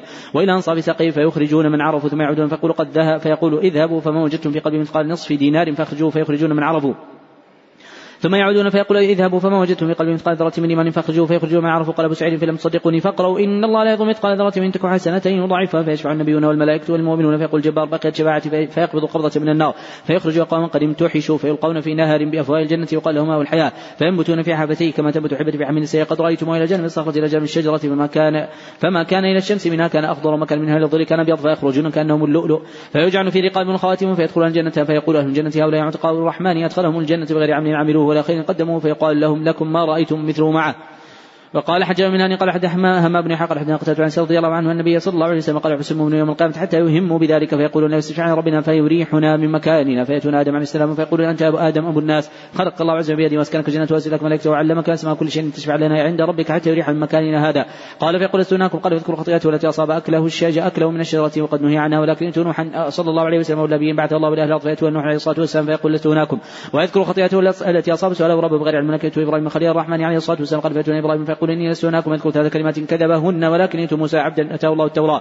وكلمه وقربه نجيا قال فيأتون موسى عليه الصلاة والسلام فيقول إني لست هناكم يذكر خطيئته التي أصاب قتله نفسه لكن عيسى عبد الله ورسوله وروح الله كلمته. قال فيأتون عيسى عليه الصلاة والسلام فيقول لست هناكم ولكن أنتم محمدا صلى الله عليه وسلم عبدا غفر الله له ما تقدم من ذنبي وما تأخر فيأتوني فأستأذن على ربي في دار فيؤذن لي عليه فذريت وقعت ساجدا فيدعني ما شاء الله عز وجل أن يدعني فيقول ارفع محمد. صلى الله عليه وسلم وقل اسمع واشفع تشفع وسل تعطى. قال فأرفع رأسي فأثني على ربي بثناء وتحميد يعلمنيه فيحد لي حدا. فأخرج فيدخلهم الجنة. قال اقتل وسمعته أيضا يقول فأخرج فأخرجه من النار ويدخلهم الجنة. ثم بعد فسال ربي في داره فيؤذن لي عليه فاذا رايته وقعت فساد. فدعني ما شاء الله ويدعني ثم يقول ارفع محمد. وقل اسمع واشفع تشفع وسل تعطى. قال فأرفع رأسي وأثني على ربي بثناء وتحميد يعلمني. قال ثم أشفع فيحد لي حدا. فأخرج فادخلهم الجنة. قال اقتلت وسمعته يقول فأخرج فأخرج من النار وادخلهم الجنة. ثم بعد ثلاثة فأستأذن على ربي في داره فيؤذن لي عليه فاذا رايته وقعت ساجدا فدعني ما شاء الله ويدعني ثم يقول ارفع محمد يقول اسمع واشفع تشفع وسل تعطى قال فارفع رأسي فاثني على ربي ابتلاني وتحملني وعلمني قال ثم أشفع في حدود حدا فأخرج فأخرج فادخل من الجنه قال اقتل وقد سمعته يقول فأخرج فأخرج من النار وأدخل من الجنه حتى ما يوقع في النار من حبس القرآن ويوجب عليه القدوة. قال ثم ترى هذه الآية. عسى أن يبعثك ربك مقاما محمودا. وقال وهذا مقام محمود الذي وعده نبيكم صلى الله عليه وسلم. قال حدثنا عبيد الله بن سعد بن إبراهيم قال حدثنا عمي قال حدثنا أبي عن صالح عن شاب قال حدثنا انس مالك رضي الله عنه رسول الله صلى الله عليه وسلم ارسل صادف جمع في قبة وقال لهم اصبروا حتى تلقوا الله ورسوله صلى الله عليه وسلم فإني على الحوض. قال حدثني ثابت بن محمد قال حدثنا سفيان عن جريج عن سليمان نحو عن طاووس بن عباس رضي الله عنه أنه قال كان النبي صلى الله عليه وسلم إذا تهجم الليل قال اللهم ربنا لك الحمد انت قيم السماوات والأرض ولك الحمد انت رب السماوات والأرض فينا ولك الحمد انت نور السماوات والأرض فينا وأنت الحق وقولك الحق ووعدك الحق ولقاؤك الحق والجنة حق والنار حق والساعة حق اللهم لك أسلمت وبك آمنت وعليك توكلت وإليك خاصمت وبك حكمت واغفر لي ما قدمت وما أخرت وما أسررت وأعلنت وما انت اعلم به مني لا إله إلا أنت قال أبو عبد الله قال قيس بن سعد وأبو عن طاووس قيام وقال مجاهد قيوم القيم على كل شيء وقال عمر رضي الله عنه قيام وكلاهما مدح قال حدثني مسلم موسى قال حدثنا موسى قال حدثني عن عن ختمة عن عدي بن حاتم رضي الله عنه أنه قال قال رسول الله صلى الله عليه وسلم ما منكم من أحد إلا سيكلمه ربه ليس بينه وبينه ترجمان ولا حجاب يحجبه قال حدثنا عن عبد الله قال حدثنا عبد العزيز بن عبد الصمد عن أبي عروان عن أبي بكر بن عبد الله بن قيس عن أبيه عن النبي صلى الله عليه وسلم قال جنتان من فضة آنيتهما وما فيهما وجنتان من ذهب آنيتهما وما فيهما وما بين القوم وبين أن ينظرون ربهم لا يدعون كبر على وجههم في جنة عدن. قوله حدثنا أبو أسامة في الإسناد المتقدم سبق أن هذه الكنية عندهم عند الإطلاق هي لأبي أسامة الكوفي واسمه حماد بن أسامة. نعم. أحسن الله إليكم. قال حدثنا حميدي وقال حدثنا سفيان وقال حدثنا عبد الملك بن عينة وجامع بن أبي راشد عن أبي وائل عبد الله رضي الله عنه أنه قال قال رسول الله صلى الله عليه وسلم من اقتطع مال امرئ مسلم بيمين كاذبة لقي الله عليه غضبان. قال عبد الله ثم قال رسول الله صلى الله عليه وسلم مصداقه من كتاب الله جل ذكره إن الذين يشترون بعد الله ومالهم ثمنا قليلا أولئك لا خلاق لهم في الآخرة ولا يكلمهم الله الآية. قال حدثنا عبد الله محمد قال حدثنا سفيان عن عبد الله صالح بن رضي الله عنه عن النبي صلى الله عليه وسلم أنه قال ثلاث لا يكرم الله يوم القيامة ولا ينظر إليهم رجل حلف على سلعه لقد أعطى بها أكثر مما أعطى وهو كاذب. ورجل فحلف حلف على يمين كاذبة بعد عصر يقتطع بيمال امرئ مسلم. ورجل منع فضل ماء فيقول الله عز وجل يوم القيامة اليوم أمنعك فضلي كما منعت فضل ما لم تعمل يداك. قال حدثنا محمد بن قال حدثنا عبد الوهاب قال حدثنا ايوب محمد عن أبي بكر عن أبي بكر رضي الله عنه عن النبي صلى الله عليه وسلم أنه قال الزمان قد استدارك ياتي يوم خلق الله السماوات والأرض السنة 12 شهرا. منها أربعة حرم ثلاث متواليات وقعدة وذو الحجة والمحرم ورجب المضر الذي بين جواد وشعبان. أي شهر هذا؟ قل الله ورسوله عن مسكر حتى ظننا أنه سيسميه بغير اسمه. قال ليس الحجة الحجة قلنا بلى. قال أي بلد هذا؟ قل الله ورسوله عن سكت حتى ظننا أنه يسميه بغير اسمه. قال ليس البلدة. قلنا بلى. قال فأي من هذا؟ قلنا الله ورسوله أعلم. فسكت حتى ظننا أنه سيسميه بغير اسمه. قال ليس يوم النحر. قلنا بلى. قال في دماءكم ومالكم. قال محمد أحسبه. قال وأعراضكم عليكم حرام. كحرمة يومكم هذا في بلدكم هذا في شهركم هذا. وستلقون ربكم فيسألكم عن مالكم ألا فلا ترجعوا بعدي ضلالا ينظر بعضكم لقاء بعض. ألا ليبلغ الشاهد الغائب فلعل بعض من يبلغ أن يكون أوعى من بعض من سمعه فكان محمد إذا ذكره وقال صدق النبي صلى الله عليه وسلم ثم قال ألا هل بلغت؟ ألا هل بلغت؟ قوله عن أبي بكرة تقدم أن هذه الكنية عندهم لراو واحد هو أبو بكرة الثقفي رضي الله عنه واسمه نفيع بن الحارث. نعم. أحسن الله إليكم. قال رحمه الله تعالى باب ما جاء في قول الله تعالى إن رحمة الله قريب من المحسنين. قوله باب ما جاء تقدم أن هذه الترجمة من أمهات التراجم عند البخاري. وأنه ذكرها في سبعة وأربعين موضعا. وهذه الترجمة من أمهات التراجم عند الترمذي فهو أخذها من شيخه البخاري ثم استعملها أكثر من شيخه. نعم. أحسن الله إليكم. قال حدثنا مسلم إسماعيل قال حدثنا عبد الواحد قال حدثنا عاصم بن ابي عثمان عن مسلمة رضي الله عنه قال كان ابن لبعض بنات النبي صلى الله عليه وسلم يقضي فأرسلت إليه أن يأتيها فأرسل إن لله ما أخذ وله ما أعطى وكل شيء إلى أجل وكل إلى أجل مسلم تصبر تحتسب فأرسلت إليه فأقسمت عليه فقال رسول الله صلى الله عليه وسلم قمت مع معاذ بن جبل وابي بن كعب وعبد بن صلت رضي الله عنهم. فلما دخلنا نام رسول الله صلى الله عليه وسلم صبي ونفسه تقلقل في صدره حسبته قال كانها شنة فبكى رسول الله صلى الله عليه وسلم. قال سعد بن عبادة أتبكي؟ فقال إنما يرحم الله من عباده الرحماء. قال حدثنا عبيد الله بن سعد بن إبراهيم قال حدثنا يعقوب قال حدثنا أبي عن صاحب كيسان عن عرج عن رضي الله عن النبي صلى الله عليه وسلم قال اختصمت الجنة إلى ربهما فقالت الجنة يا ربي ما لها لا يدخل إلا ضعفاء الناس وسقطهم وقالت النار يعني ولدت بالمتكبرين فقال الله تعالى الجنه أنت رحمتي وقال أنت عذابي اصيبك من اشاء لكل واحد منكم املها فقال فأما الجنة فإن الله لا يظلم من خلقه أحدا وإنه ينشر للنار من يشاء فيلقون فيها فيلقون فيها فتقول المزيد ثلاثا حتى يضع فيها قدمه فتمتن ويرد بعضها إلى بعض وتقول قط قط قط. قال حدثنا حفص بن عمر قال حدثنا هشام عقدة عن رضي الله عنه عن النبي صلى الله عليه وسلم أنه قال يصيبن اقواما سفع من النار بذنوب اصابوها عقوبة ثم يدخلهم الله عز وجل الجنة فضل رحمته وقال لهم الجهنميون وقال امام حدثنا قتادة قال حدثنا رضي الله عن النبي صلى الله عليه وسلم قول الله تعالى إن الله يمسك السماوات والأرض أن تزولا. قال حدثنا موسى قال حدثنا معاذ عن عمش عن إبراهيم عن قبة عبد الله رضي الله عنه قال جاء حبر إلى رسول الله صلى الله عليه وسلم قال محمد الله يضع السماء على اصبع من الأرض على اصبع والجبال على اصبع من الشجر والنهار على اصبع من سائر الخلق على اصبع ثم يقول بيده. أنا الملك فضحك رسول الله صلى الله عليه وسلم وقال وما قدر الله حق قدره. ما جاء في تخليق السماوات والأرض وغيرها من الخلائق وفعل رب تبارك وتعالى وأمره فالرب بصفاته وفعله وأمره وهو الخالق هو المكون غير مخلوق وما كان فعله وأمره وتخليقه وتكوينه فهو مفعول مخلوق. مكون. قال حدثنا سعيد بن عمر قال أخبرنا محمد بن قال أخبرنا شريك عبد الله بن نمر عن كريم بن عباس رضي الله عنه أنه قال بت في بيت ميمونة ليلة والنبي صلى الله عليه وسلم عندها لانظر كيف صلاة رسول الله صلى الله عليه وسلم الليل فتحدث رسول الله صلى الله عليه وسلم مع اهله ساعة ثم رقد فلما كان في الليل الآخر بعضه قعد فنظر إلى السماء فقال إن في خلق السماوات والأرض لقول لأولي الألباب ثم قام فتوضأ السنة ثم صلى إحدى عشر ركعة ثم صلى إحدى عشرة ركعة ثم ذهب إلى الصلاة فصلى ركعتين ثم خرج فصلى الناس الصبح. قوله أخبرني الشريك تقدم أن هذا الاسم عندهم بفتح الشين في الأسماء والكنى ولم يقع مصغرا شريك. نعم. أحسن الله إليكم. قال رحمه الله تعالى باب ولقد سبقت كلمتنا لعبادنا المرسلين. قال حدثني سمعنا قال حدثني مالك عن مزيد عرج عن أبي رضي الله عنه أن رسول الله صلى الله عليه وسلم قال لما قضى الله الخلق كتب عنده فوق عرشه. إن رحمتي سبقت غضبي. قال حدثنا آدم قال حدثنا شعبة قال حدثنا معش قال سمعت زيد بن وهب قال سمعت عبد الله بن مسعود رضي الله عنه قال حدثنا رسول الله صلى الله عليه وسلم والصادق المصدوق إن خلق أحدكم يجمع في بطنه 140 يوما و40 ليلة ثم يكون علقة مثله ثم يكون مضغة مثله ثم يبعث إليه الملك. فيؤذن بأربع كلمات فيكتب رزقه وأجله فيكتب رزقه وأجله وعمله وشقي سعيد. ثم ينفق ثم ينفخ فيه الروح فإن أحدكم لا يعمل بعمل الجنة حتى لا يكون بينه وبينه إلا ذراع. فيسبق عليه كتابه فيعمل بعمل أهل النار فيدخل النار. وإن أحدكم لا يعمل بعمل أهل النار حتى ما يكون بينها وبينه إلا ذراع فيسبق عليه كتابه فيعمل بعمل أهل الجنة فيدخلها. قال حدثنا خالد بن حق حدثنا عمر بن دارين قال سمعت ابي حدث عن سعيد جبير بن عباس رضي الله عنه النبي صلى الله عليه وسلم قال جبريل يا جبريل ما يمنعك أن تزورنا أكثر ما تزورنا فنزل وما تنزل إلا بامر ربك له ما بين أيدينا وما خلفنا إلى آخر الآية. قال هذا كان الجواب لمحمد صلى الله عليه وسلم. قال حدثني يحيى قال حدثني وكيع بن عن اعمش عن إبراهيم عن قبة عبد الله رضي الله عنه قال كنت أمشي مع رسول الله صلى الله عليه وسلم حلق بالمدينة ومتكئا على عسيب فمر بقوم من اليهود. فقال بعضهم لبعض سلوا عن روح قال بعضهم سلوا عن روح فسالوه فقام متوكئا على العسيب وأنا خلفه فظننت أنه يوحى إلي. فقال ويسالونك عن روح قل الروح من أمر ربي وما اوتيتم من علم إلا قليل وقال بعضهم لبعض قد قلنا لكم لا تسالوه. قوله في الاسناد المتقدم حدثنا عمر بن در قال سمعت أبي تقدم أنه ليس في رواة الستة من اسمه در سوى راو واحد.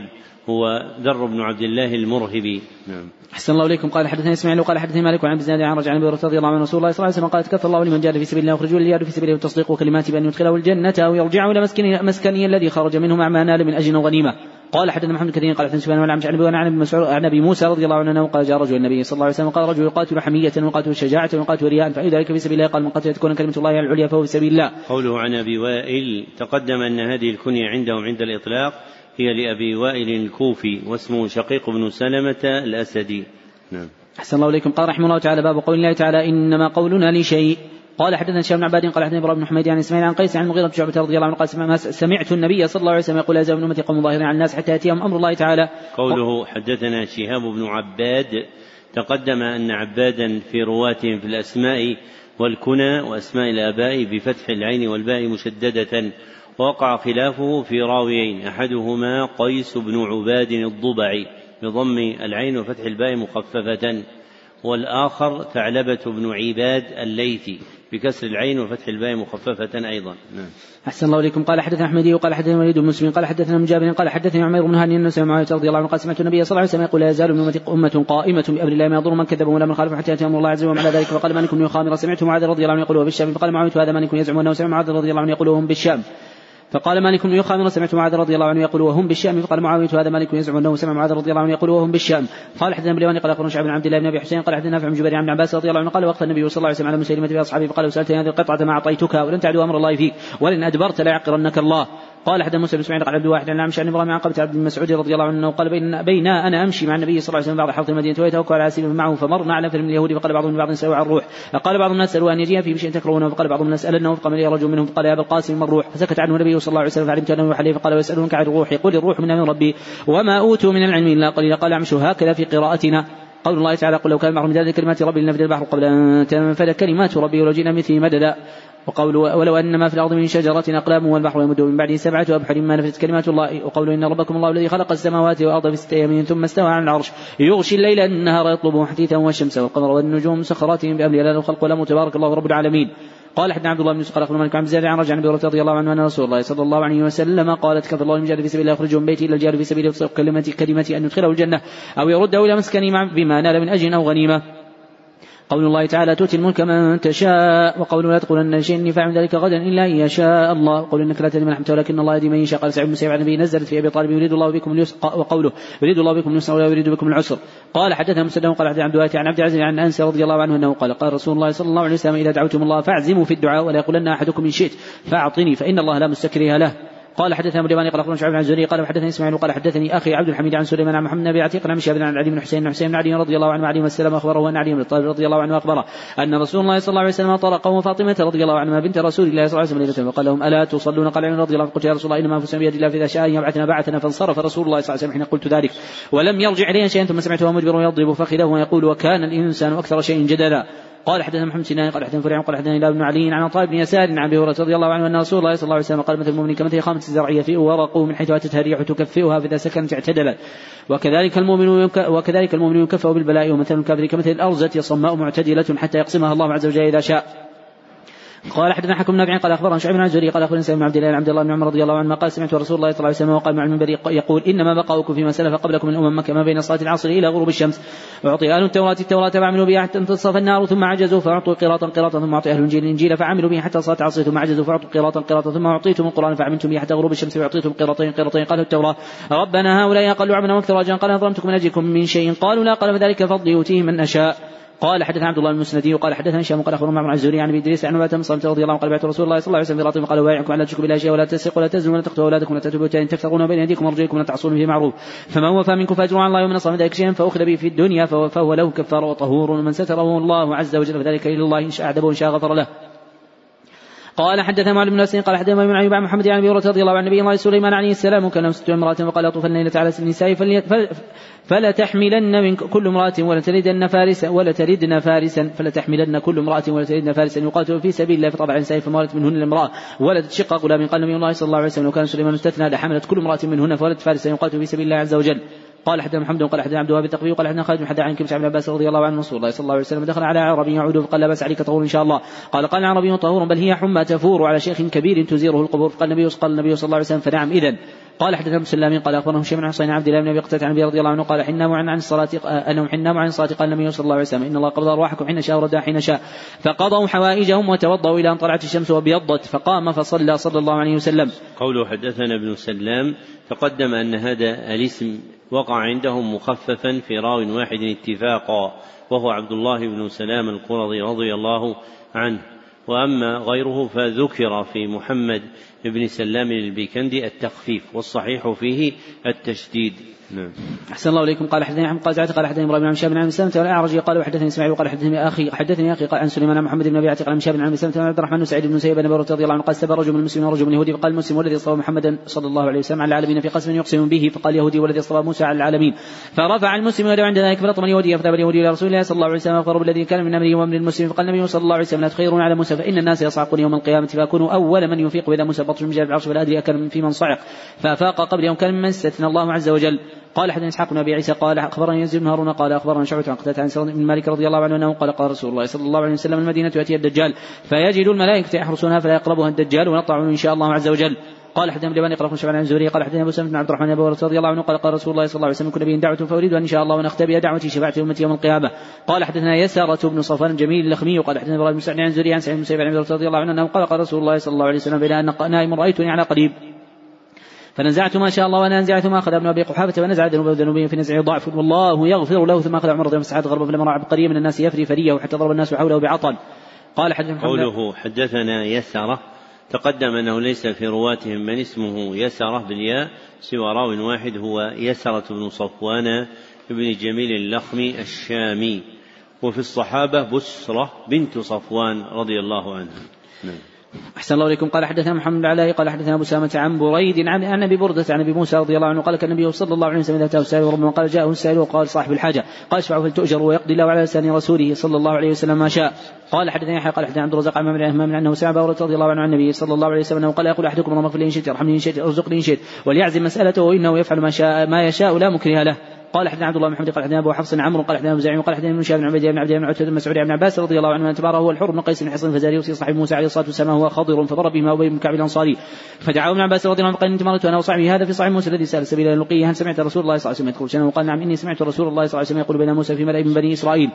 في ملأ بني إسرائيل جاءهم رجل فقال تعلم واحدا أعلم منك فقال موسى لا فأوحي إلى موسى بلى عبدنا خضر فسأل موسى سبيل لقيه فجعل الله عز وجل له الحوت آية وقيل له إذا فقدت الحوت فارجع فإنك ستلقاه فكان موسى يتبع أثر الحوت في البحر فقال فتى موسى لموسى أريت بين صخرة بين الحوت وما أنسانيه إلا الشيطان أن أذكره وقال موسى ذلك ما كنا نبغي فارتد على آثار ما قصص فوجد خضرا وكان من شأنه ما قص الله عز وجل قال حدثنا أبو ريوان قال أخبرنا شعيب بن وقال أحمد بن صالح حدثنا ابي قال اخبرني مسعود بن شهاب بن عبد الرحمن عن رضي الله عنه عن رسول الله صلى الله عليه وسلم وقال ننزل غدا إن شاء الله بخير بني كنانة حيث تقاسم عن كفر يريد المحصب. قال حدثنا عبد الله بن حمد قال حدثنا معينة عن عمرو بن أبي العباس عن عبد الله بن عمر رضي الله عنه قال حصل النبي صلى الله عليه وسلم على الطائف فلم يفتح حقه فقال ان قافل إن شاء الله وقال المسلمون نقفل ولم نفتح قال فغدوا على القتال فغدوا فأصابتهم جراحة قال النبي صلى الله عليه وسلم ان قافل وغدا إن شاء الله فكان ذلك عجبهم فتبسم رسول الله صلى الله عليه وسلم. باب قول الله تعالى ولا تنفع الشفاعة عنده إلا لمن أذن له حتى إذا فزع عن قلوبهم قالوا ماذا قال ربكم؟ قالوا الحق وهو العلي الكبير. ولم يقل ماذا خلق ربكم؟ قال جل ذكره من ذا الذي يشفع عنده إلا بإذنه. وقال مسروق عن مسعود إذا تكلم الله بالوحي سمع له السماوات شيئا.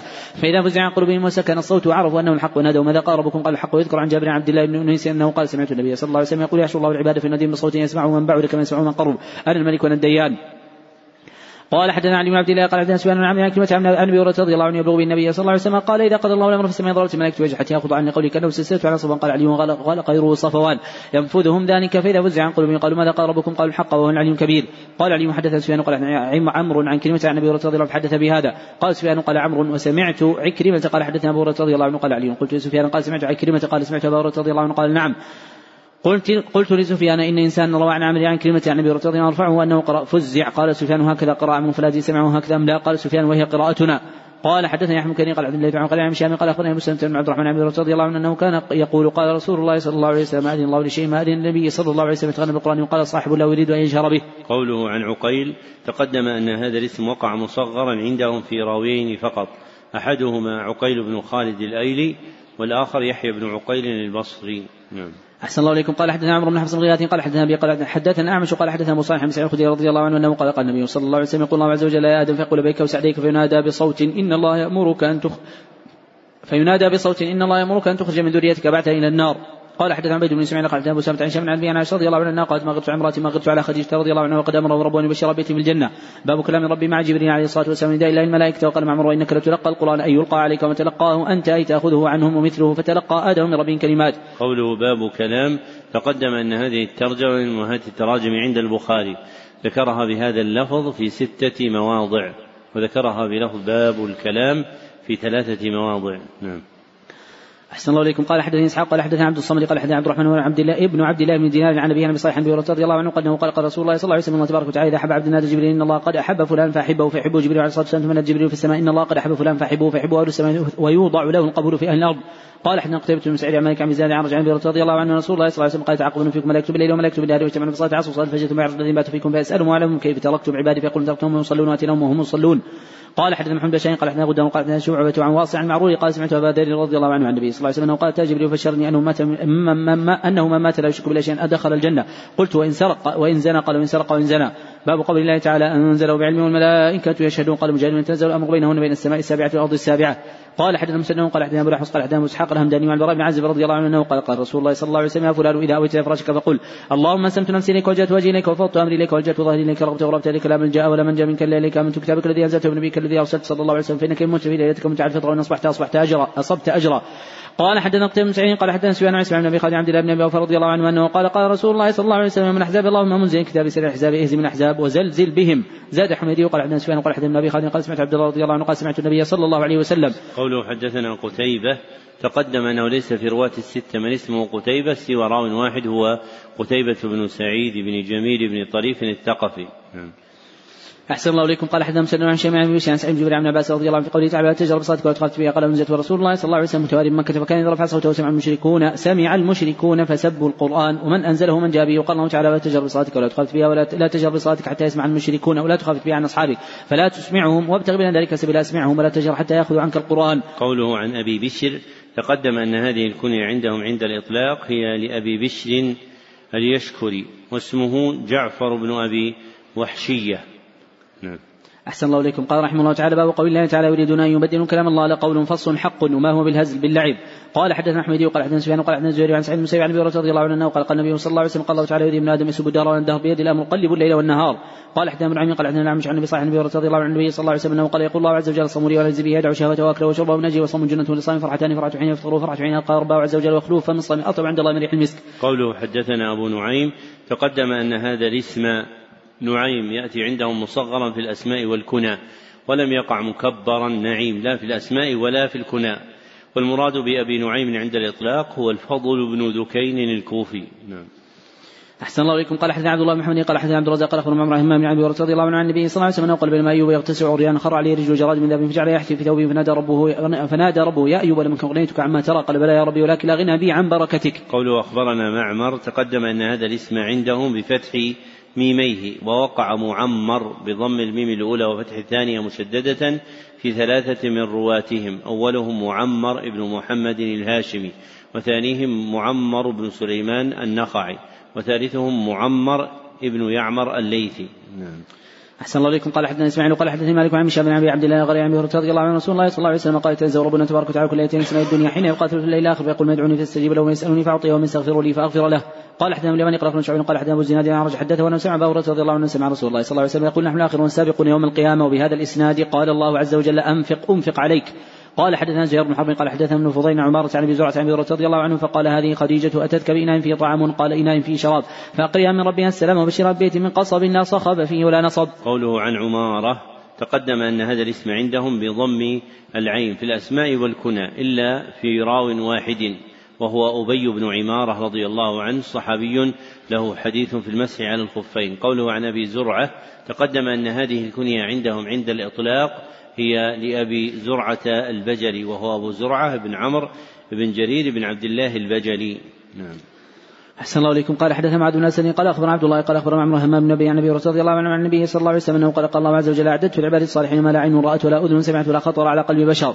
قال حدثنا محمود قال حدثنا عبد الرزاق قال أخبرنا من قال أخبرنا سليمان أحمد طاووس اخبرنا سعد بن عباس رضي الله عنه يقول كالنبي صلى الله عليه وسلم إذا تهجم الليل قال اللهم لك الحمد انت نور السماوات والأرض ولك الحمد انت قيم السماوات والأرض ولك الحمد انت رب السماوات والأرض ومن فينا أنت الحق. ووعدك الحق وقولك الحق ولقاؤك الحق والجنة حق والنار حق والنبي حق والساعة حق اللهم لك أسلمت وبك آمنت وعليك توكلت وإليك أنبت وبك خاصمت وإليك حكمت واغفر ما قدمت وما أخرت وما أسررت وما أعلنت وأنت إلهي لا إله إلا أنت قال حدث حجاب من هذه قال حدثنا عبد الله بن عمر النميري وقال حدثنا يوسف بن يزيد الأيلي وقال سمعت زهريا قال سمعت عروة بن الزبير وسعيد بن المسيب وعلقبه بن وقاص بن عبيد الله بن عبد الله عن حديث عائشة رضي الله عنها. زوج النبي صلى الله عليه وسلم حين قال لا الافك ما قالوا فبرأ الله عز وجل ما قال وكل حدثني طائفة من الحديث الذي حدثني عن عائشة رضي الله عنها قالت ولكن ولكن والله ما كنت أظن أن الله عز وجل ينزل في براءتي وحين يتلى. ولا شأني في نفسي كان أحقر من أن يتكلم الله عز وجل فيها بأمر يتلى ولكني كنت أرجو أن يرى رسول الله صلى الله عليه وسلم في نوم رؤيا ويبرئني الله عز وجل بها. فأنزل الله تعالى إن الذين جاءوا بالإفك العشر الآيات. قال حدثنا قتيبة بن سعيد قال حدثنا المغيرة بن عبد الرحمن بن زيد عن رجع النبي رضي الله عنه أن رسول الله صلى الله عليه وسلم قال يقول الله عز وجل إذا اراد عبدي ان يعمل سيئة فلا تكتبوها عليه حتى يعملها. فإن عملها فاكتبوها بمثلها وإن ترك من أجل فاكتبوها له حسنة. وإن اراد ان يعمل حسنة فلم يعملها فاكتبوها له حسنة. فإن عملها فإن عملها فاكتبوها له بعشر امثالها إلى 700 قال حدثنا اسماعيل بن عبد الله قال حدثنا سليمان بن بلال عن معاوية بن أبي مجرد عن سعيد بن يسار عن رضي الله عنه رسول الله صلى الله عليه وسلم قال خلق الله عز وجل خلقا فلما فرغ منه قامت الرحم. فقال مه؟ قالت هذا مقام العائد بك العائد بك من قطيعة. فقال ترضين أن أصل من وصلك وأقطع من قطعك. قالت بلى, بلى يا ربي. قال فذلك لك. ثم قال أبو رضي الله عنه فهل عسيتم إن توليتم أن تفسدوا في الأرض. فهل عسيتم أن توليتم أو فهل عسيتم إن توليتم أن تفسدوا في الأرض وتقطعوا أرحامكم. قوله عن معاوية بن أبي مزرد تقدم أن هذه الكنية ابن أبي مزرد لم تقع إلا في اسم هذا الراوي وأنه يذكر بها كثيرا وهو معاوية بن أبي مزرد المدني.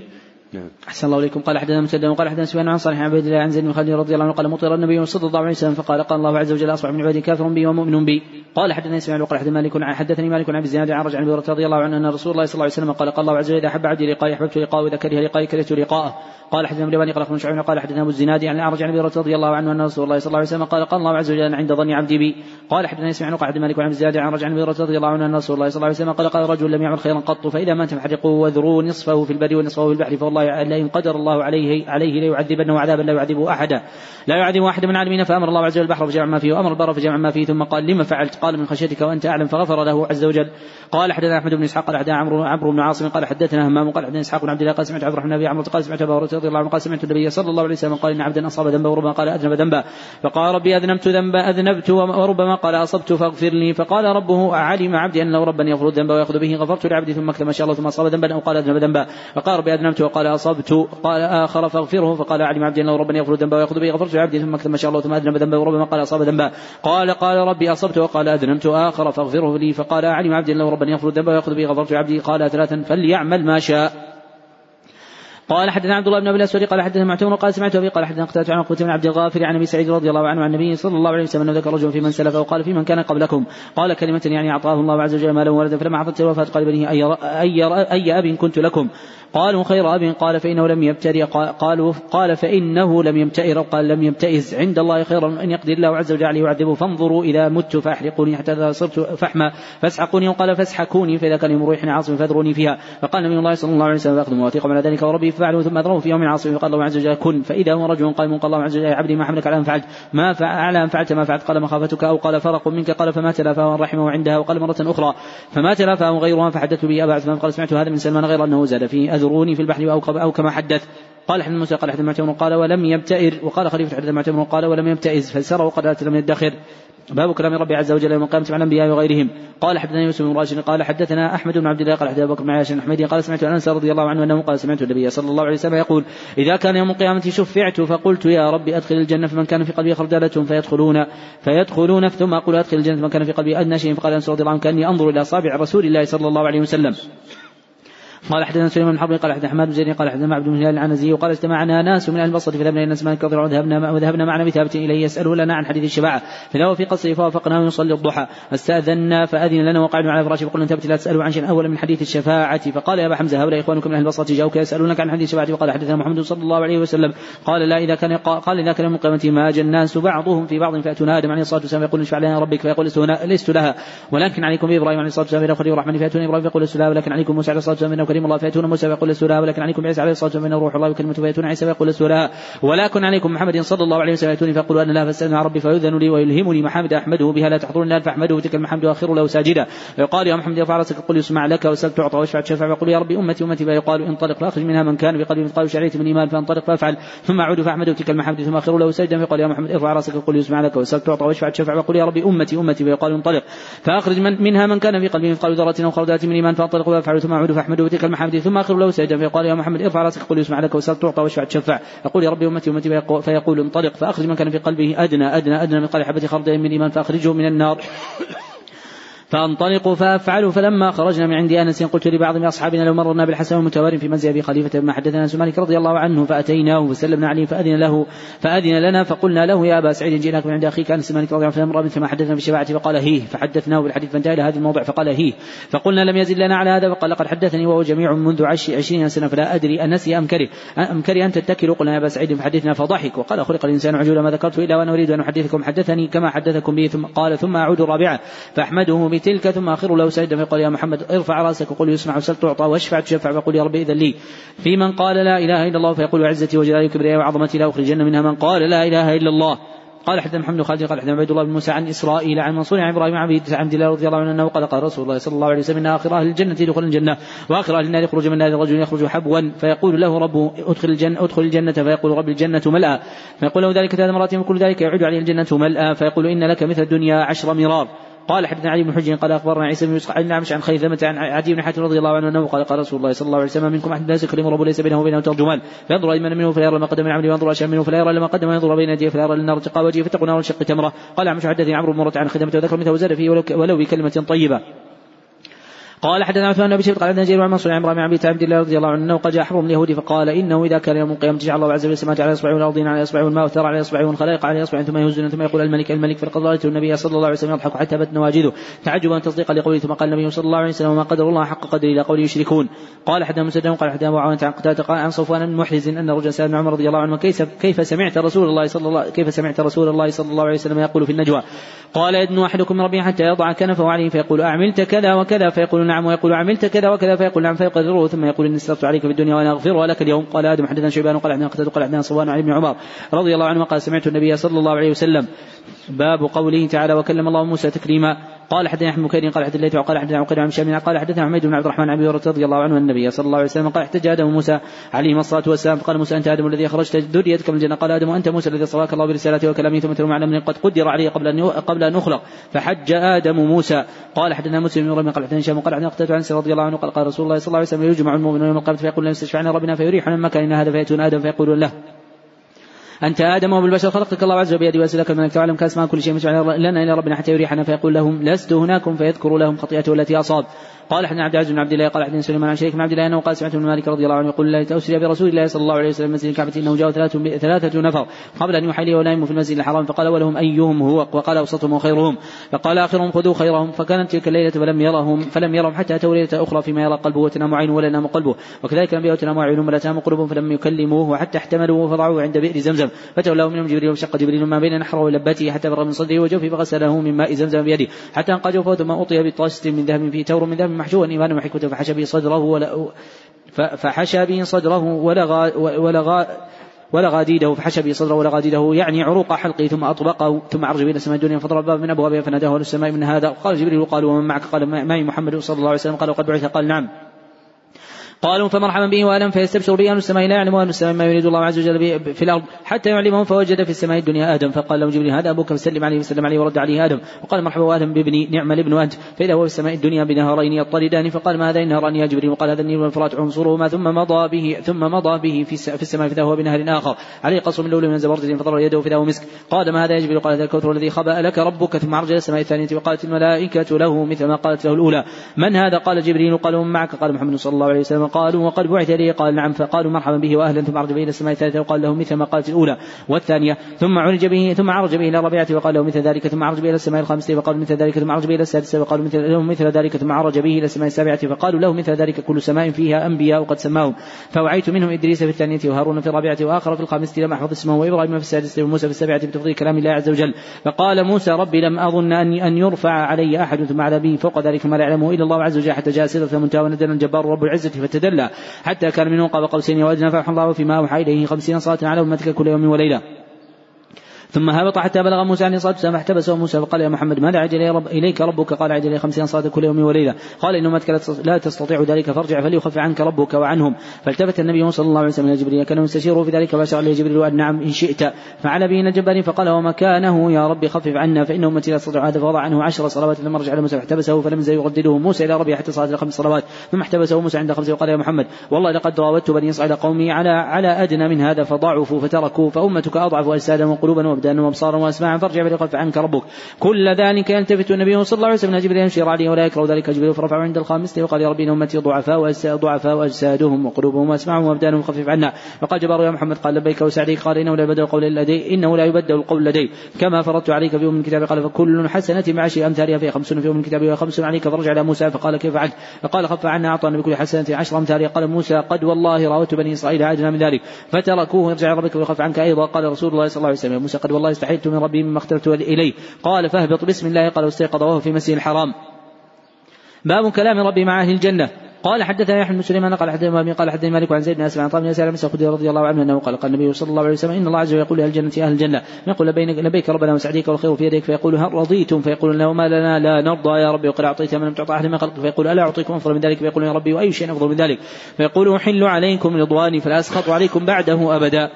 قال حدثنا محمد بن قال حدثنا فريح قال حدثنا هلال عن طيب بن سعيد رضي الله عنه النبي صلى الله عليه وسلم كان من حديث عنده رجل من أهل البادية رجل من أهل الجنة أستاذ في الزرع فقال له ألست فيما شئت قال بلى ولكني أحب أن أزرع فأسرع وبذر فتبادر الطرف. نباته واستواء واستحصاله وتكبيره وأمثال الجبال فيقول الله تعالى دونك من آدم فإنه لا يشبع كشيء. قال أعرابي يا رسول الله تجد هذا إلا قرشيا أو أنصاريا فإنهم أصحاب زرع. فأما نحن فلسنا بأصحاب زرع فضحك رسول الله صلى الله عليه وسلم. باب ذكر الله بالامن وذكر العباد بالدعاء والتضرع والرسالة والإبلاغ لقوله تعالى فاذكروني أذكركم أنتم عليهم نبأ. نوح إذ قال لقوم يا قوم إن كان كبر عليكم مقام ذكر الله فعلى الله توكلت فأجمعوا أمركم وشركاءكم ثم لا يكون أمركم عليكم غمة. ثم قضوا الي ولا تنظرون فإن توليتم ما سألتكم من أجر أجر إلا على الله وأمرت أن أكون من المسلمين. غمة هم وضيق قال مجاهد اقضوا الي ما في أنفسكم. يقال افرق اقضي. وقال مجاهد أحد من المشركين استجارك فأجره حتى يسمع كلام الله. قال إنسان ياتيه فيستمع ما يقول ما أنزل عليه فهو آمن حتى يأتيه فيسمع كلام الله وحتى يبلغ مأمنه.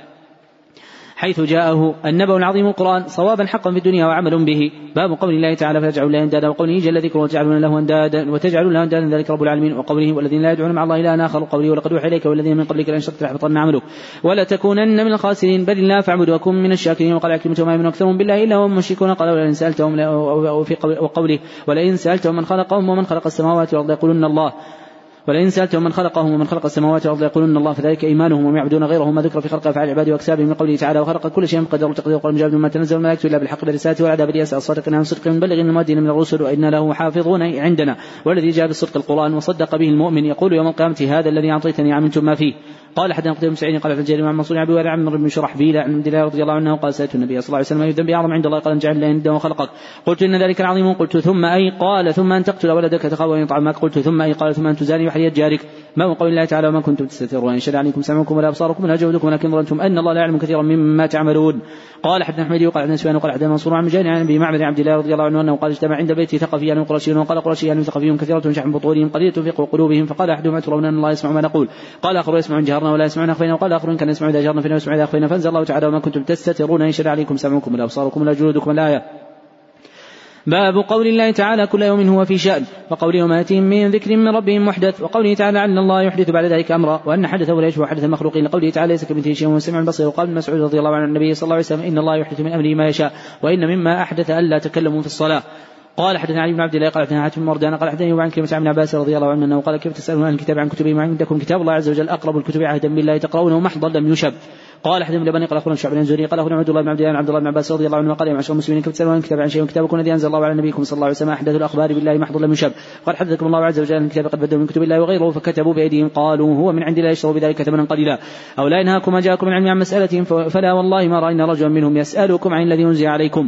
باب قول الله تعالى تحرك به لسانك وفعل النبي صلى الله عليه وسلم. حيث ينزل عليه الوحي وقال ابو رضي الله عنه عن النبي صلى الله عليه وسلم قال الله تعالى لما عبدي حيثما ذكرني وتحركت به شفتاه. قال حدثنا قتيبة بن سعيد قال حدثنا أبو عن موسى بن أبي عائشة عن سعيد بن عباس رضي الله عنه في قوله تعالى تحرك بلسانك قال كان النبي صلى الله عليه وسلم يعالج من التنزيل شدته وكان يحرك شفتيه فقال ابن عباس يحركهما لك كما كان رسول الله صلى الله عليه وسلم يحركهما فقال سعيد انه يحركهما كما كان ابن عباس يحركهما. فحرك شفتيه فأنزل الله عز وجل لا تحرك بلسانك تعجبي إن علينا جمعه وقرآنا قال جمعه في صدرك ثم تقرأه فاذا قرانا فتبع قرآنه وقال فاستمع وله وأنصت ثم إن علينا أن تقرأه قال فكان رسول الله صلى الله عليه وسلم إذا أتاه جبريل عليه السلام استمع فاذا انطلق جبريل وقراه النبي صلى الله عليه وسلم كما أقرأه. باب قول الله تعالى وسروا قولكم ويجهروا به انه عليم بذات الصدور. ألا يعلم من خلق وهو اللطيف الخبير اتخافة يتسارون. قال حدثني عمرو بن زرارة عنه شيء قال أخبرني أبو بشر عن سعيد بن عن عباس رضي الله عنه في قوله تعالى ولا تجهر بصلاتك ولا تخافت بها. قال نزلت ورسول الله صلى الله عليه وسلم مختبئ بمكة فكان إذا صلى بأصحابه رفع صوته بالقرآن فإذا سمع المشركون سب القرآن ومن زل ومن جاء به. فقال الله عز وجل النبي صلى الله عليه وسلم نجر بصلاتك بقراءتك فيسمع المشركون فسب القرآن ولا تخافت به عن أصحابك فلا تسمعهم وابتغ بين ذلك سبيلا. قال حدثنا عبيد بن إسماعيل قال حدثنا أبو سلمة عن هشام عن أبي عائشة رضي الله عنها أنها قالت نزلت هذه الآية ولا تجهر بصلاتك ولا تخافت بها في الدعاء. قال حدثني إسحاق قال حدثنا معاصر قال أخبرهم جرني قال أخبرهم شهاب عن سلمة عن أبي رضي الله عنه أنه قال قال رسول الله صلى الله عليه وسلم ليس منا من لم يتغنى بالقران زاد غيره يجهر به. باب قول النبي صلى الله عليه وسلم رجل أتاه الله القرآن فهو يقوم به الليل والنهار. رجل يقول لو أوتيت مثل ما أوتي هذا فعلت كما يفعل. فبين فبين الله عز وجل قيامه بالكتاب وفعله وقال من ومن آياته خلق السماوات والأرض واختلاف ألسنتكم وألوانكم وقال جل ذكره وافعلوا الخير لعلكم لعلكم تفلحون. قوله باب قول النبي صلى الله عليه وسلم تقدم أن هذه الترجمة من أمهات التراجم عند البخاري وأنه ذكرها في ثمانية وستين موضعا ولم يقع عنده قوله باب قول الرسول صلى الله عليه وسلم. نعم. أحسن الله إليكم. قال حدثنا قتيبة قال حدثنا جرير عن الأعمش عن أبي صالح بن رضي الله عنه أنه قال قال رسول الله صلى الله عليه وسلم لا تحاسد إلا في اثنتين رجل آتاه الله القرآن فهو يتلوه آناء الليل النهار وآناء النهار فهو يقول لو أوتيت مثل ما أوتي هذا لفعلت كما يفعل رجل آتاه الله مالا فهو ينفقه في حقه فيقول لو أوتيت مثل ما أوتي عملت فيه مثل ما يعمل. قال حدثنا علي بن عبد الله قال حدثنا سفيان قال قال زوري عن سمع النبي رضي الله عنه عن النبي صلى الله عليه وسلم قال حدث فتنتين رجل اتاه الله القرآن فيتلو أنا الليل وأنا النهار ورجل اتاه الله مالا فانفقه أنا الليل وأنا النهار. سمعت سفيان لما اسمعه يذكر الخبر وهو من صحيح حديثه.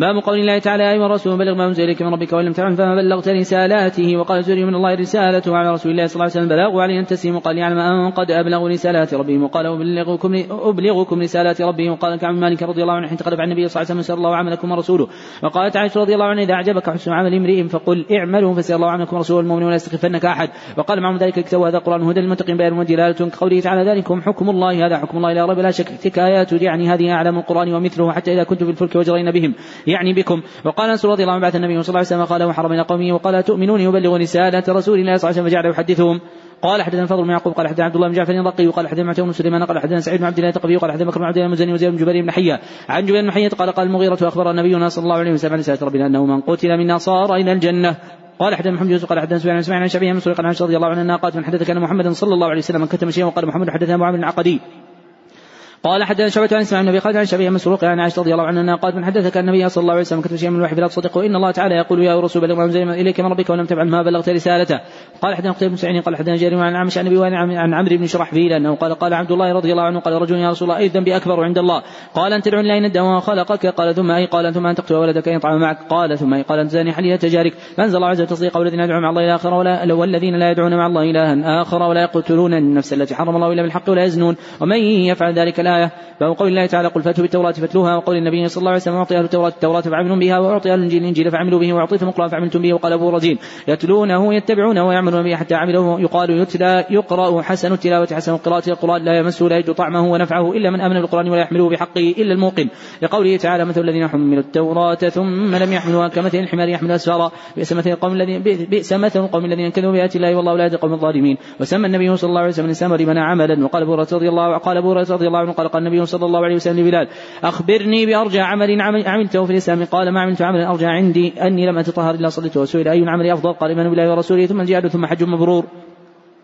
قال حدثنا عبدان قال أخبرنا عبد الله قال أخبرنا مسعود الزهري قال أخبرنا سالم بن عمر رضي الله عنه أن رسول الله صلى الله عليه وسلم قال إنما بقاؤكم في مسألة من الامم كم بين صلاة عصر غروب الشمس أوتي أهل التوراة التوراة فعملوا بها حتى تصل النار ثم عجزوا فأعطوا قراطا قراطا ثم اوتي أهل الإنجيل الإنجيل فعملوا بها حتى صليت العصر ثم عجزوا فأعطوا قراطا قراطا ثم اوتيتم قراطا فعملتم حتى غربت الشمس فأعطيتم قراطين قراطين فقال ابن كتاب هؤلاء قالوا منا عملا وأكثر اجرا قال الله عز وجل هضمتكم من حقكم شيئا؟ قالوا لا قال فهو فضلي أوتي من أشاء.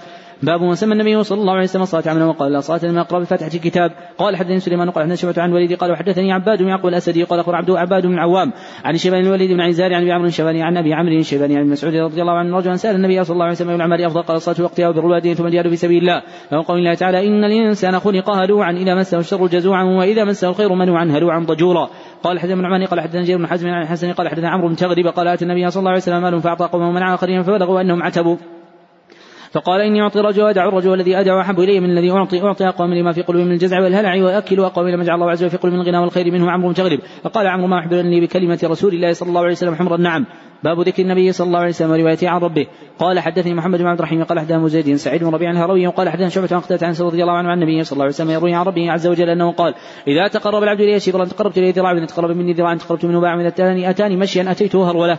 قال حدثنا عن يحيى بن تيميه عن مالك رضي الله عنه رضي الله عنه قال ما ذكر النبي صلى الله عليه وسلم قال إذا تقرب العبد مني شبرا قال تقربت تقربت منه ذراعا. وإذا تقرب مني ذراعا تقربت منه باعا وقال بوعا.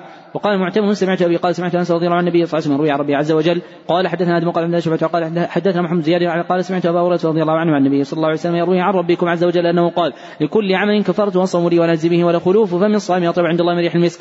قال حدثنا حفص بن عمر. قال حدثنا شعبة. عن قتادة. وقال لي خليفة حدثنا يزيد بن زرع عن سعيد عن قتادة عن عن عباس رضي الله عنه عن النبي صلى الله عليه وسلم روي عن ربه عز وجل أنه قال لا ينبغي لعبد أن يقول إنه خير من يوسف متى ونسبه إلى أبيه. قوله عن أبي العالية تقدم أن هذه الكنية عندهم عند الإطلاق هي لأبي العالية الرياحي واسمه نفيع نعم أحسن الله إليكم. قال حدثنا أحمد بن أبي سريج قال أخبرنا شباب قال حدثنا شعبة عن معاذ بن قرة عبد الله بن مغفل المزني رضي الله عنه أنه قال رأيت رسول الله صلى الله عليه وسلم الفتح على ناقة له يقرأ سورة الفتح وقال من سورة الفتح قال فرجع فيها ثم قال قال ثم قرأ معاوية يحكي قراءة ابن مغفل وقال لولا أن يجتمع الناس عليكم رجعت كما رجع ابن مغفل يحكي النبي صلى الله عليه وسلم. فقلت معاوية كيف كانت؟ ترجعه قال آآ آآ ثلاث مرات. قوله عن عبد الله بن مغفل تقدم أن هذا الاسم مغفلا لم يقع إلا في اسم هذا الراوي وولده وما عداه فهو معقل. قوله حدثنا شعبة تقدم أنه ليس في رواة البخاري من اسمه شعبة سوى راو واحد هو شعبة بن الحجاج العتكي. قوله أخبرنا شبابة تقدم أنه ليس في رواة الستة من اسمه شبابة سوى راو واحد هو شبابة بن سوار الفزاري المدائني. نعم.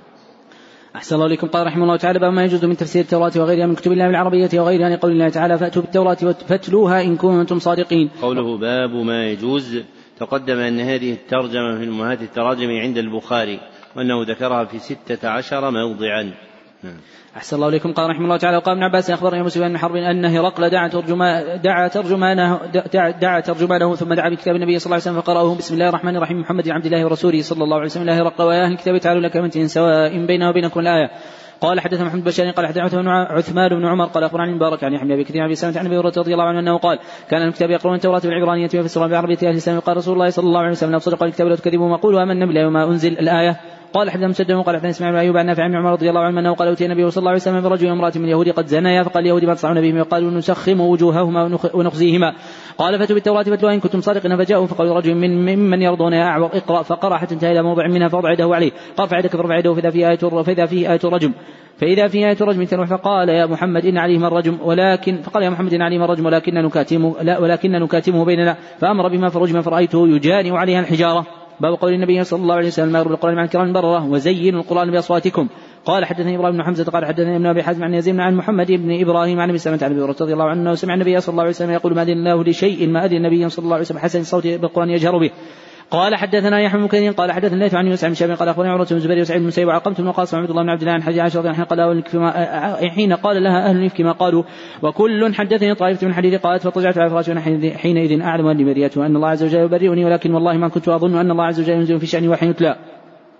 ولا شأني في نفسي كان أحقا من كلام الله عز وجل فيه بأمن وأنزل الله عز وجل. إن الذين جاءوا بالإفك العشر الآيات كلها. قال حدثنا أبن عمين قال حدثنا مسعر عن عندي ثابت قال أراه عن براء رضي الله عنه قال سمعت النبي صلى الله عليه وسلم يقرأ في العشاء والتين والزيتون فما سمعت أحدا أحسن صوتا أو قراءة منه صلى الله عليه وسلم. قوله حدثنا مسعر تقدم أنه ليس في رواة من اسمه مسعر سوى راو واحد هو مسعر بن كدام الهلالي. نعم. أحسن الله إليكم. قال حدثنا حجام من هني. قال حدثنا شيء عن أبي بشر عن سعيد بن جبير عن عباس رضي الله عنه أنه قال كان النبي صلى الله عليه وسلم متوارد من مكة وكان يرفع صوته إذا سمع المشركون سب القرآن ومن جاء به فقال الله عز وجل النبي صلى الله عليه وسلم ولا تجهر بصلاتك ولا تخافت بها. قال حدثنا إسماعيل وقال حدثنا مالك وعن عبد الرحمن عبد الله بن عبد الرحمن النبي صلى الله عليه وسلم أنه أخبره أن أبا سعيد الخدري رضي الله عنه قال له إني أراك تحب الغنم والبادية فإذا كنت بغنمك وباديتك وأذنت الصلاة فرفع صوتك بالنداء فإنه لا يسمع مدى صوت المؤذن. فإنه لا يسمع مدى صوت المؤذن. جن ولا إنس ولا شيء لا شيء له من قال أبو سعيد سمعت من رسول الله صلى الله عليه وسلم. قال حدثنا قبيصة قال حدثنا سفيان عن منصور عن عائشة رضي الله عنها أنها قالت كان النبي صلى الله عليه وسلم يقرأ القرآن ورأسه في حجر وأنا حائض. باب قول الله تعالى فقرأوا ما تيسر من القرآن. قال حدثنا أحمد بن قال حدثنا عن قال عن شاب قال حدثنا عروة بن مسعود المخرمة وعبد الرحمن بن عبد القاري حدثه أنه سمع عمر الخطاب رضي الله عنه يقول سمعت هشام بن حكيم رضي الله عنه يقرأ سورة الفرقان في حياة رسول الله صلى الله عليه وسلم سمعت قراءته فإذا ويقرأ فإذا هو يقرأ عن حروف كثيرة لم يقل إنيها رسول الله صلى الله عليه وسلم كنت أساور في الصلاة فتصبرت حتى سلم فلببته بردائي فقلت من أقرأك هذه السورة التي سمعتك تقرأ. فلببته بردائي فقلت من أقرأك؟ هذه السورة التي سمعت تقرأ. قال أقرأني يا رسول الله صلى الله عليه وسلم. قلت كذبت. أقرأنيها على غير ما قرأت. فانطلقت به أقود إلى رسول الله صلى الله عليه وسلم. وقلت إني سمعت هذا يقرأ سورة فقال من حروف لم تقرئنيها فقال أرسله. اقرأ يا هشام. فقرأ القراءة سمعته. فقال رسول الله صلى الله عليه وسلم كذلك أنزلت. ثم قال رسول الله صلى الله عليه وسلم اقرأ يا عمر. فقرأت التي أقرأني. فقال كذلك أنزلت. إن هذا القرآن أنزل على سبعة أحرف فاقرأوا ما تيسر منه. باب قول الله تعالى وقد يسر القرآن للذكر. وقال النبي صلى الله عليه وسلم كل ميسر لما خلق. له يقال ميسر مهيأ وقال مطر وراق. ولقد يسر في قوله تعالى وقد يسر القرآن للذكر. فهل من مدكر؟ قال هل من طالب علم فيعان عليه. قال حدثنا معمر قال حدثنا عبد الوارث قال حدثنا قال قال يزيد حدثني مطرب بن عبد الله عن عمران رضي الله عنه قال قلت يا رسول الله فيما يعمل العاملون؟ قال كل ميسر لما خلق له.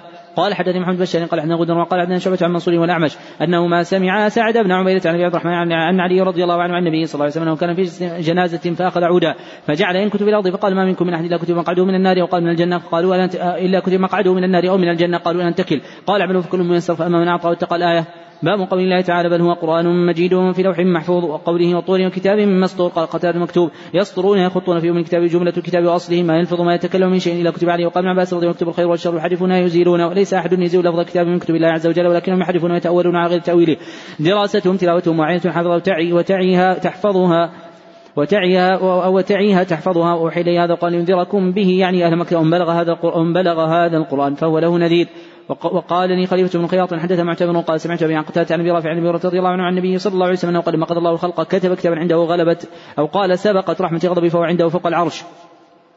قال حدثني محمد بن أبي غالب قال حدثنا محمد بن إسماعيل قال حدثنا قال سمعت ابي يقول حدثنا قتادة بن رافع حدثه انه سمع رضي الله عنه أنه يقول سمعت رسول الله صلى الله عليه وسلم يقول إن الله عز وجل كتب كتابا قبل أن يخلق الخلق إن رحمتي سبقت غضبي فهو مكتوب عنده فوق العرش. باب قول الله تعالى والله خلقكم وما تعملون وقوله إنا كل شيء خلقناه بقدر ويقال المصورين نحن ما خلقتم وقوله إن ربكم الذي خلق السماوات والأرض في ستة أيام ثم استوى على العرش يغشي الليل النهار يطلب حديثا والشمس والقمر والنجوم سخرات بأمره. ألا له الخلق والأمر تبارك الله رب العالمين. قبل أن يتبين الله الخلق من أمره لقوله تعالى ألا له الخلق والأمر وسمى النبي صلى الله عليه وسلم إيمان عملا. قال بدر وأبو رضي الله عنه سئل النبي صلى الله عليه وسلم الأعمال أفضل؟ قال إيمان بالله وجعله في سبيله. وقال جزاء بما كانوا يعملون. وقال وفد عبد القيس النبي صلى الله عليه وسلم أمرنا بجمل من الأمر. إن عملنا بها دخلنا الجنة فآمرهم بالإيمان والشهادة وإقام الصلاة وإيتاء الزكاة وجعل ذلك كله عملا. قال حدثنا عبد الله بن عبد الوهاب قال حدثنا عبد الوهاب قال حدثنا أيوب عن مقلبة والقاسم بن تميم عن زاد بن قال كان بين هذا الحي من جرم وبين اشعري ودون ويخاء. فكنا عند أبي موسى الأشعري فقال بلا طعام فيه لحم دجاج وعنده رجل من بني تيم الله كانوا من الموالي فتعاون اليه فقال إني رأيته يأكل شيئا فقدرت فحلفت لا, لا أكله. فقال فلأحدث فلأحدثك. فقال هلم فلأحدثك عن ذاك إني أتيت النبي صلى الله عليه وسلم في المشعر يستحمله. قال والله لا أحملكم بعد ما أحملكم. فأتي النبي صلى الله عليه وسلم بذهب إبل فسأل عنا فقال أين فر أشعري فأمرنا بخمس ذود غير الذرى ثم انطلقنا قلنا ما صنعنا؟ حلف رسول الله صلى الله عليه وسلم لا يحملنا ما عنده وما يحملنا ثم حملنا. تغفلنا رسول الله صلى الله عليه وسلم يمينا والله لا نفلح عبدا فرجعنا إليه. فقلنا له. فقال لست أنا أحملكم ولكن الله حملكم. إني والله لا أحلف على يمين فلا غير خير منها إلا أتيت الذي هو خير منه وتحللتها. قوله عن زهدم تقدم أنه ليس في رواة الستة من اسمه زهدم سوى راو واحد هو الزهدم بن مضرب الجرمي قوله عن أبي قلابة تقدم أن هذه الكنية عندهم عند الإطلاق هي لأبي قلابة الجرمي واسمه عبد الله بن زيد نعم. أحسن الله إليكم. قال حدثنا عمرو بن علي قال حدثنا أبو عاصم قال حدثنا قرة بن خالد قال حدثنا أبو جمرة الضبعي وقال قلت ابن عباس رضي الله عنه فقال قدم وفد عبد القيس على رسول الله صلى الله عليه وسلم فقالوا إن بيننا وبينك المشركين من مضر وإن بيننا وبينك المشركين من مضر وإنا لا نصل إليك إلا في أشهر حرم فمرنا بجمل من الأمر إن عملنا به دخلنا الجنة وندعو إليه من وراءنا. قال أمركم بأربع وأنهاكم عن أربع أمركم بالإيمان وهل تدرون ما الإيمان أمركم بالإيمان بالله وهل تدرون ما الإيمان بالله شهادة أن لا إله إلا الله وإقام الصلاة وإيتاء الزكاة وتعطوا من المغرب الخمس وأنهاكم عن أربع لا تشربوا في الدباء والنقير والظروف المزفتة والحنتمة. قوله حدثنا أبو جمرة تقدم أن هذه الكنية عندهم لراو واحد من رواتهم واسمه نصر بن عمران الضبعي. نعم. أحسن الله إليكم. قال حدثنا قتيبة بن سعيد قال حدثنا الليث عن نافع عن قاسم محمد عن عائشة رضي الله عنها أن رسول الله صلى الله عليه وسلم قال إن أصحاب هذه الصور يعذبون يوم القيامة ويقال لهم أحيوا ما خلقتم. قال حدثنا ابن عمان قال حدث حماد بن زيد عن عن نافع بن عمر رضي الله عنه أنه قال قال النبي صلى الله عليه وسلم إن أصحاب هذه الصور يعذبون يوم القيامة ويقال لهم أحيوا ما خلقتم. قال حدثنا محمد بن العلاء قال حدثنا ابن فضيل عن عمارة عن أبي زرعة أنه سمع أبا هريرة رضي الله عنه قال سمعت النبي صلى الله عليه وسلم قال سمعت النبي صلى الله عليه وسلم يقول قال الله عز وجل ومن أظلم ممن ذاب يخلق من أظلم ممن ذاب يخلق كخلقه فليخلق ذرة وليخلق حبة شعيرة باب قراءة الفاجر والمنافق وأصواتهم وتلاوتهم لا لا تجاوز حناجرهم. قوله باب قراءة هذه الترجمة من أمهات التراجم عند البخاري. ذكرها بهذا اللفظ في أربعة مواضع وذكرها بلفظ باب القراءة في ثمانية مواضع وقرأها وذكرها بلفظ باب يقرأ في موضع واحد وقال في موضع باب ما يقرأ. نعم. أحسن الله إليكم. قال رحمه الله حدثنا هدوة بن خالد قال حدثنا همام قال حدثنا قتادة قال حدثنا أنس رضي الله عنه عن أبي موسى رضي الله عنه عن النبي صلى الله عليه وسلم أنه قال مثل المؤمن الذي يقرأ القرآن كالأترجة؟ طعمها طيب وريحها طيب والذي لا يقرأ كالتمرة طعمها طيب ولا ريح لها. ومثل الفاجر الذي يقرأ القرآن كمثل الريحانة ريحها طيب وطعمها مر ومثل الفاجر الذي لا يقرأ القرآن كمثل الحنظلة طعمها مر ولا ريح لها.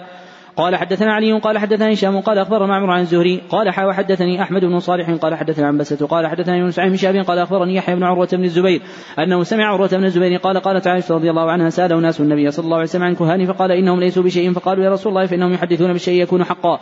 قال فقال النبي صلى الله عليه وسلم تلك الكلمة من الحق يخطفها الجني فيقرقرها في أذن وليه كقرقرة الدجاجة فيخلطون فيه أكثر من مئة كذبة.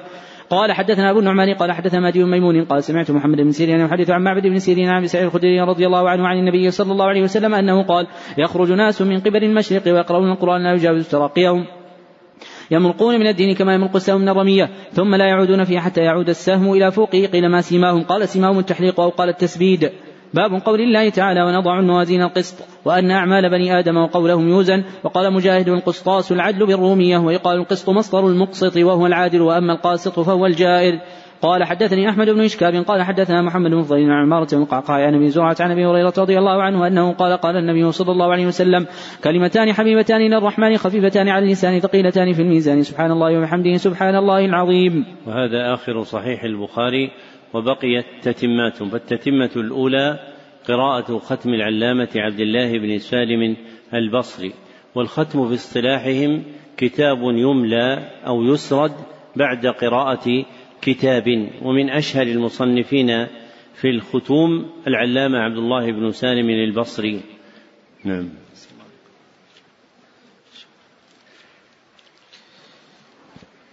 سم.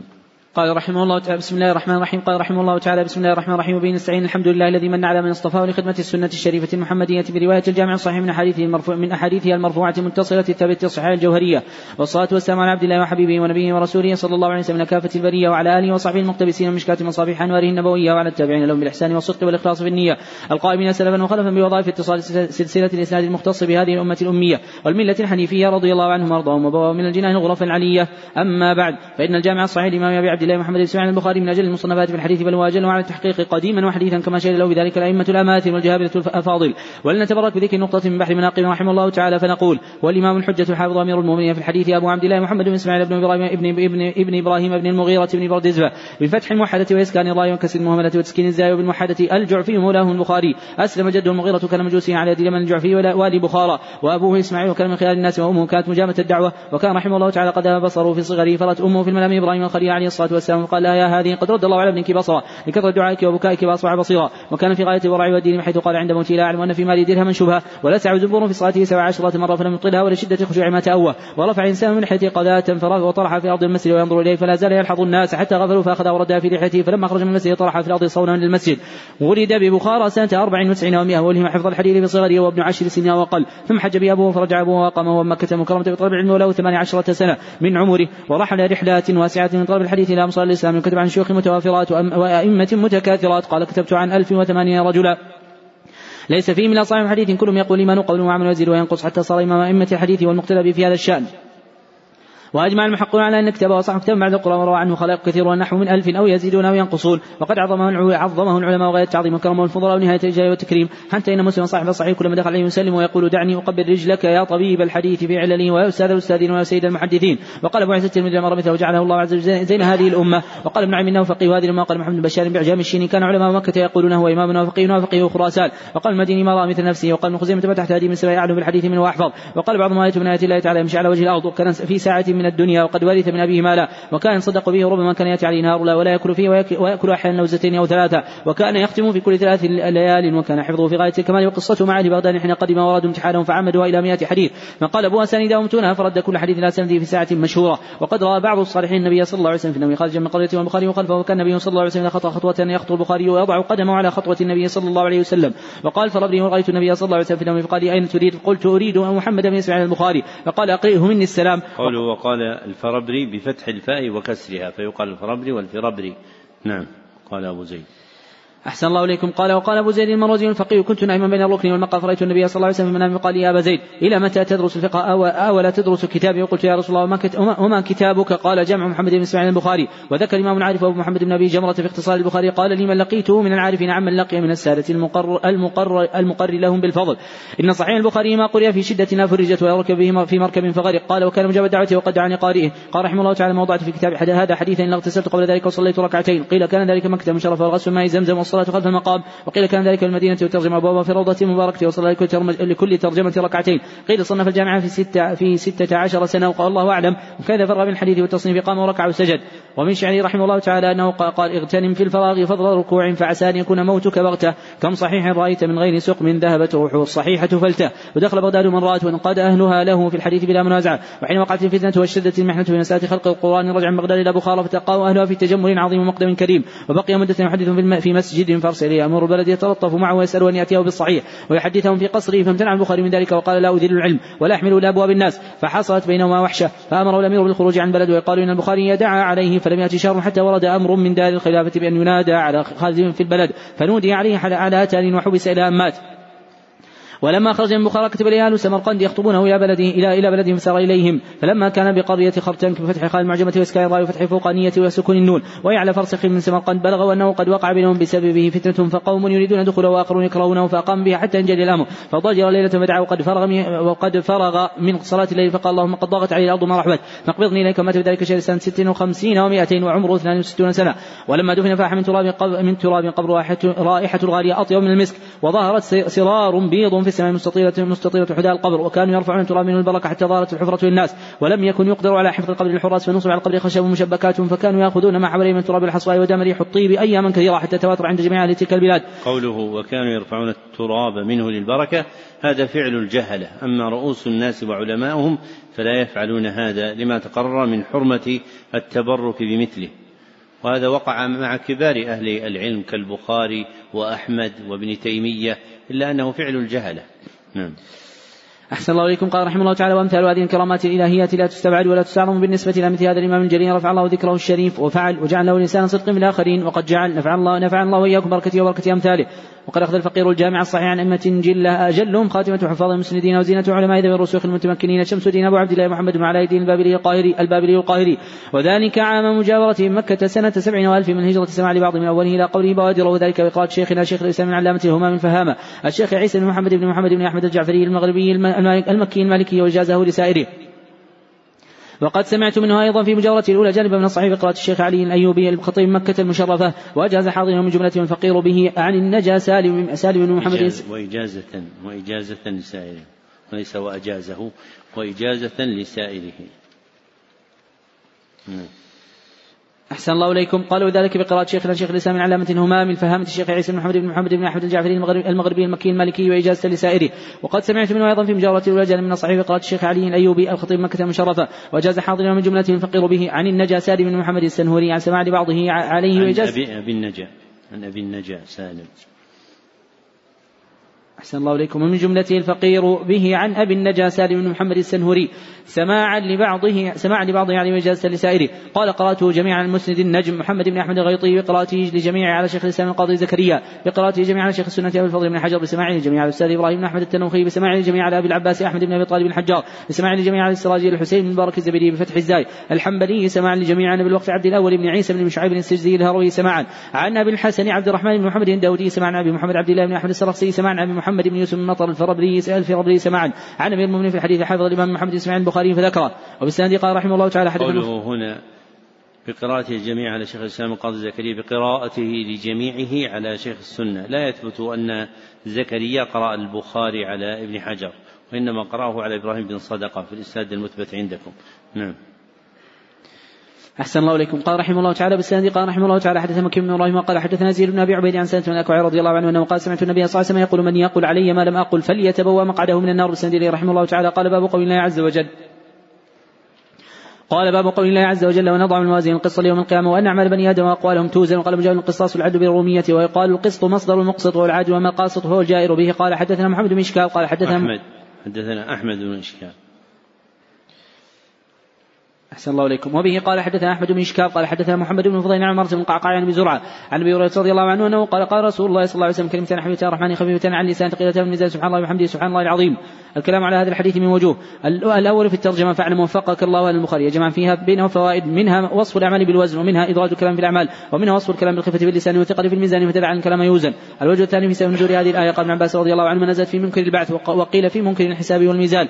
وذكر وذكر الميزان هنا وذكر الميزان هنا بلفظ الجمع اختلف في ذلك. فقيل لكل شخص ميزان أو قول لكل عمل ميزان فيكون الجمع حقيقة وقيل هو ميزان واحد والجمع باعتبار تعدد الأشخاص والأعمال ويدل على تعدد الأعمال قوله تعالى ومن خفت موازينه ويحتمل أن يكون الجمع من تفخيم كما في قوله تعالى كذبت قوم نوح المرسلين. قال في الفتح والذي يترجح أنه ميزان واحد. القسط العدل نصا نصب على أنه نعت الموازين نعت الموازين. موحد لكونه مصدر مبالغة أو على تأويل ذوات القسط على حد زيد زيد عدل. والزيدون عدل. وقيل نصب على أنه مفعول لاجله إلا أن الأغلب إذا كان معرفا يجر باللام. واللام في قوله تعالى يوم القيامة للتعليل. مع حذف مضاف أي إلى حساب أي لحساب يوم القيامة. وقيل بمعنى في وقل التوقيت مثلها في قولهم جئت لخمس خلون وأجمع أهل السنة وأجمع أهل السنة إلا من شد من أهل السلف على الإيمان بالميزان والأعمال العبادة توزن يوم القيامة وأنه لسان كفتين ويميل بالاعمال كما جاءت بذلك كل أحاديث مصرحه, بذلك. وانكرته معتزلة وقالوا هو عبارة عن عدل فقالوا الكتاب والسنة إن الله تعالى أخبر أنه يضع الموازين وزن الاعمال ليرى العباد أعمالهم ممثله ليكونوا على أنفسهم شاهدين.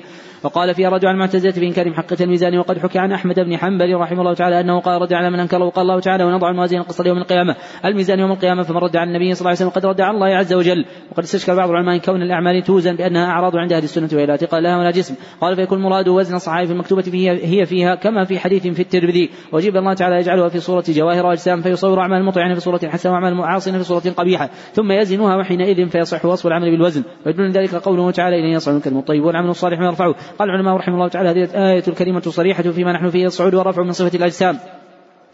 وفي الحديث لا إله إلا الله ليس ليس لا إله إلا الله ليس لها من دون الله حجاب حتى تخلص. وفي السنة أيضا الأمانة والرحم يوم القيامه تحت العرش تنادي الرحم. ألا من وصلني وصله الله ومن قطعني قطعه الله. ومن ذلك حديث من يصلي الله وملك عن يمينه وملك عن يساره فإن اتمها عرج بها وإن لم يتمها ضرب بها وجهه. واعترض إسماعيل على قول البخاري ويقال القسط مصدر المقسط. لأن مصدر المقسط الإقساط لأنه رباعي للقسط. وأجيب بأن المراد المصدر المحذوف الزوائد ونظر إلى أصله فهو مصدر مصدره إذ لا أن المصدر الجاري على فعله هو الإقساط.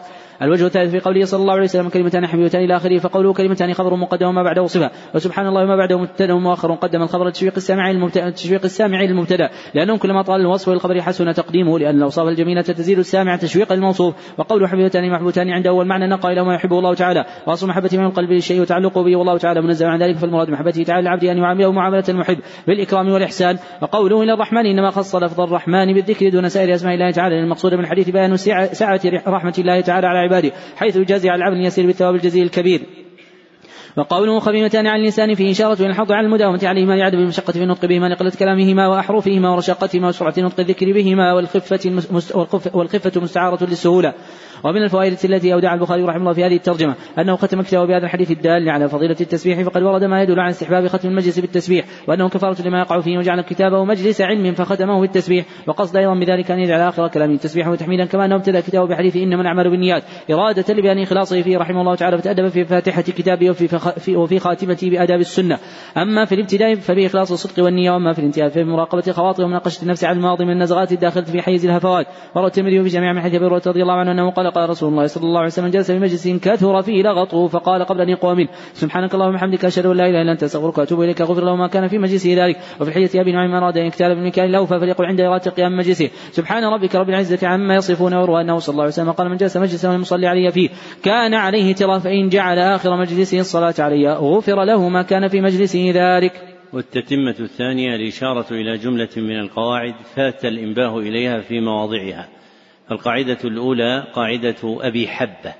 ليس في رواتهم من يكنى أبا حبة سوى راو واحد هو أبو حبة الأنصاري رضي الله عنه. ليس في رواتهم من يكنى أبا حبة سوى راو واحد وأبو حبة الأنصاري البدري رضي الله عنه. قاعدة الثانية قاعدة الصعب. ليس في رواتهم من اسمه الصعب سوى راو واحد هو الصعب بن جثامة الليثي رضي الله عنه القاعدة الثالثة قاعدة حكام. ليس في رواتهم من اسمه حكام سوى راو واحد هو حكام بن سلم الرازي. القاعدة الرابعة قاعدة أبي مراوح. ليس في رواتهم من يكنى أبا مراوح سوى راو واحد هو أبو مراوح الغفاري معروف بكنيته. والقاعدة الخامسة قاعدة عثام. ليس في رواتهم من اسمه عثام سوى راو واحد هو عثام بن علي العامري هو عثام بالثاء المثلثة ابن علي العامري القاعدة السادسة قاعدة بجالة ليس في رواتهم من اسمه بجالة سوى راو واحد هو بجالة بن عبدة التميمي سوى راو واحد هو بجالة بن عبدة التميمي. صار بجالة كم قاعدة تعلق به؟ قاعدتان في اسم بجالة وفي اسم عبدة.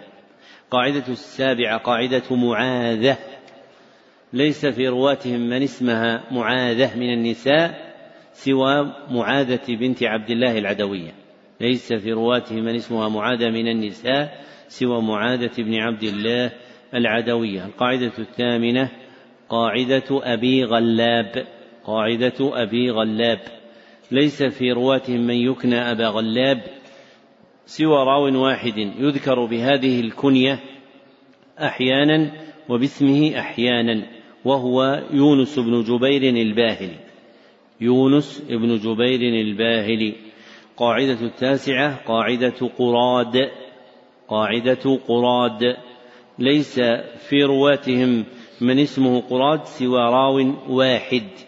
وقع هذا الاسم لقبا له. وقع هذا الاسم لقبا له وهو عبد الرحمن ابن غزوان الضبي وهو عبد الرحمن بن غزوان الضبي القاعدة العاشرة قاعدة أبي طوالة قاعدة أبي طوالة. ليس في رواتهم من يكنى أبا طوالة سوى راو واحد هو عبد الله ابن عبد الرحمن الأنصاري. القاعدة الحادية عشرة قاعدة أبي كبشة. قاعدة أبي كبشة. ليس في رواة البخاري من يكنى أبا كبشة سوى راو واحد. هو أبو كبشة السلولي الشامي. هو أبو كبشة السلولي الشامي معروف بكنيته. قاعدة الثانية عشرة قاعدة كليب. ليس في رواة البخاري من اسمه كليب سوى راو واحد. هو كليب بن وائل التيمي. هو كليب بن وائل التيمي القاعدة الثالثة عشرة قاعدة حريز قاعدة حريز. ليس في رواته من اسمه حريز سوى راو واحد هو حريز بن عثمان الرحبي هو حريز بن عثمان الرحبي. قاعدة الرابعة عشرة قاعدة مخارق قاعدة مخارق. ليس في رواة البخاري من اسمه مخارق سوى راو واحد هو مخارق ابن خليفة الأحمسي ومخارق ابن خليفة الأحمسي. القاعدة الخامسة عشرة قاعدة حمدان. ليس في رواتهم. من اسمه حمدان؟ ليس في رواة البخاري. من اسمه حمدان سوى راو واحد. هو حمدان بن عمر البغدادي. هو حمدان بن عمر البغدادي.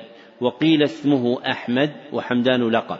وقيل اسمه أحمد وحمدان لقب. لكن لما حدث عنه البخاري قال حدثنا حمدان بن عمر. قاعدة السادسة عشرة ولا السابعة عشرة؟ السادسة عشرة قاعدة خطاب. قاعدة خطاب. ليس في رواة البخاري من اسمه خطاب سوى راو واحد. هو خطاب بن عثمان الطائي. هو خطاب بن عثمان الطائي ويعلم بما سبق أن هذه القواعد ثلاثة أنواع. النوع الأول قاعدة كلية لا يوجد في كتب الحديث إلا على هذا الوجه من الرواة. والنوع الثاني قاعدة خاصة تتعلق بالكتب الستة. والنوع الثالث قاعدة أخص تتعلق بكتاب واحد وهو عندنا هنا كتاب البخاري.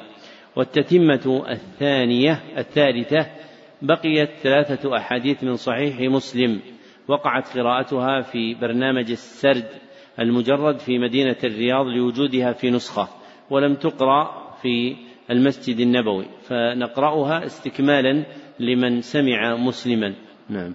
أحسن الله إليكم. وبإسنادكم إلى الإمام مسلم رحمه الله تعالى أنه قال حدثني محمد بن عبد الله بن نمير الهمداني وقال حدثنا عبد الله بن يزيد قال حدثنا حيوة قال أخبرني شرح بن شريك أنه سمع أبا عبد الرحمن الحبولي يحدث عن عبد الله بن عمرو رضي الله عنه أن رسول الله صلى الله عليه وسلم قال الدنيا متاع وخير متاع الدنيا المرأة الصالحة. قال وحدثني حرملة بن يحيى قال أخبر ابن وهب قال أخبرني يونس عن شهاب قال حدثني ابن المسيب عن أبي هريرة رضي الله عنه أنه قال قال رسول الله صلى الله عليه وسلم إن المرأة كالضلع إذا ذهبت تقيمها كسرتها وإن تركت استمتعت بها وفيها عوج. وحدثني قال وحدثني زهير بن حرب وعبد بن حميد كلاهما عن يعقوب بن إبراهيم سعد عن ابن أخي الزهري عن, عمه بهذا الإسناد وذكر مثله سواء. قال حدثنا عمرو الناقد وزهير بن حرب وابن أبي عمر جميعا عن سفيان واللفظ لعمر قال حدثنا سفيان بن عيينة عن أبي الزناد عن الأعرج عن أبي هريرة رضي الله عنه عن النبي صلى الله عليه وسلم أنه قال إن لله تسعة وتسعين اسما من حفظها دخل الجنة والله وتر يحب الوتر. وفي رواية ابن أبي عمر من أحصاها؟ والتتمة الرابعة الإجابة على ما تيسر من الأسئلة مع تقديم ما تعلق بالبخاري. السؤال الأول يقول مر بنا في كتاب الطب باب لا هامة مكررة مرتين فما وجه التكرار وهل بينهما فرق وما وجه المناسبة بينهما. مما ينبغي أن يعلم أن أساطين أهل العلم إذا ذكروا شيئا فلا بد أن يكون فيه زيادة معنى. فما وقع عند البخاري من مكررات التراجم لا بد أن يكون في الترجمة الثانية ما ليس في الأولى. والواقع هنا في تكرار الترجمتين باب لا هامة كما أفاده ابن حجر لأجل بيان الاختلاف في حقيقة الهامة. لأجل بيان الاختلاف في حقيقة الهامة فكرر الترجمة. يقول لماذا لم يخرج البخاري أحاديث في النهي عن الشرب قائمة؟ والجواب أن البخاري رحمه الله تعالى قد يترك أحاديث لأمور. أولها أنه قد يتركها لئلا يطول الكتاب. وصرح بهذا فيما رواه عنه ابن عدي في جزئه في ترجمة البخاري. فربما يطول الكتاب بذكر هذه الأحاديث وثانيها أنه قد يكون الحديث عنده صحيحا لكنه ليس على شرطه فيتركه لأجل ذلك. وثالثها أن البخاري رحمه الله تعالى قد يترك الأحاديث في باب لأجل روايته أحاديث في معنى تلك الأحاديث ولو لم تكن في هذا الباب. فمثلا في هذا الباب وهو النهي عن الشرب قائما جاء في البخاري في قصة أبي هريرة لما شرب أصحاب الصفة اللبن وفيه أنه لما انتهى إلى أبي هريرة قال له النبي صلى الله عليه وسلم اقعد فاشرب. فأمره صلى الله عليه وسلم بأن يقعد فيشرب.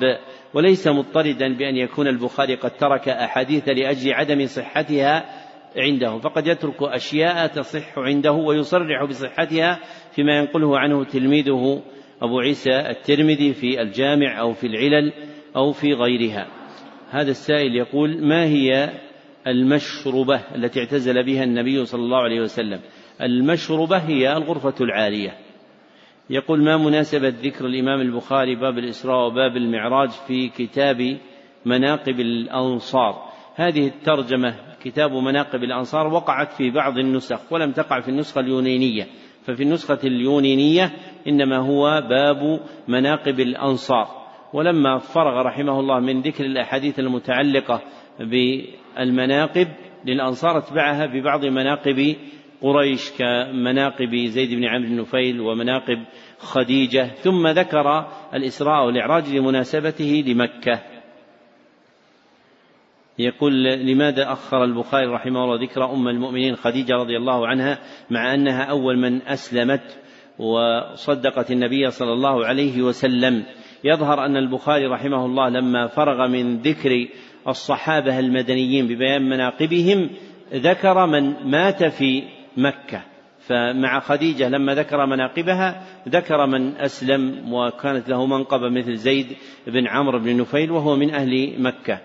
يقول في حديث لما خلق الله الرحم تعلقت بحق الرحمن. هل نثبت لله صفة الحق سئل الإمام أحمد رحمه الله تعالى عن هذا فقال عن هذا الحديث فقال يمضى الحديث كما جاء. أي ما صح عن النبي صلى الله عليه وسلم في هذه الأبواب فإن العبد يثبته كما جاء في حديث النبي صلى الله عليه وسلم ويجرده من اللوازم الباطلة.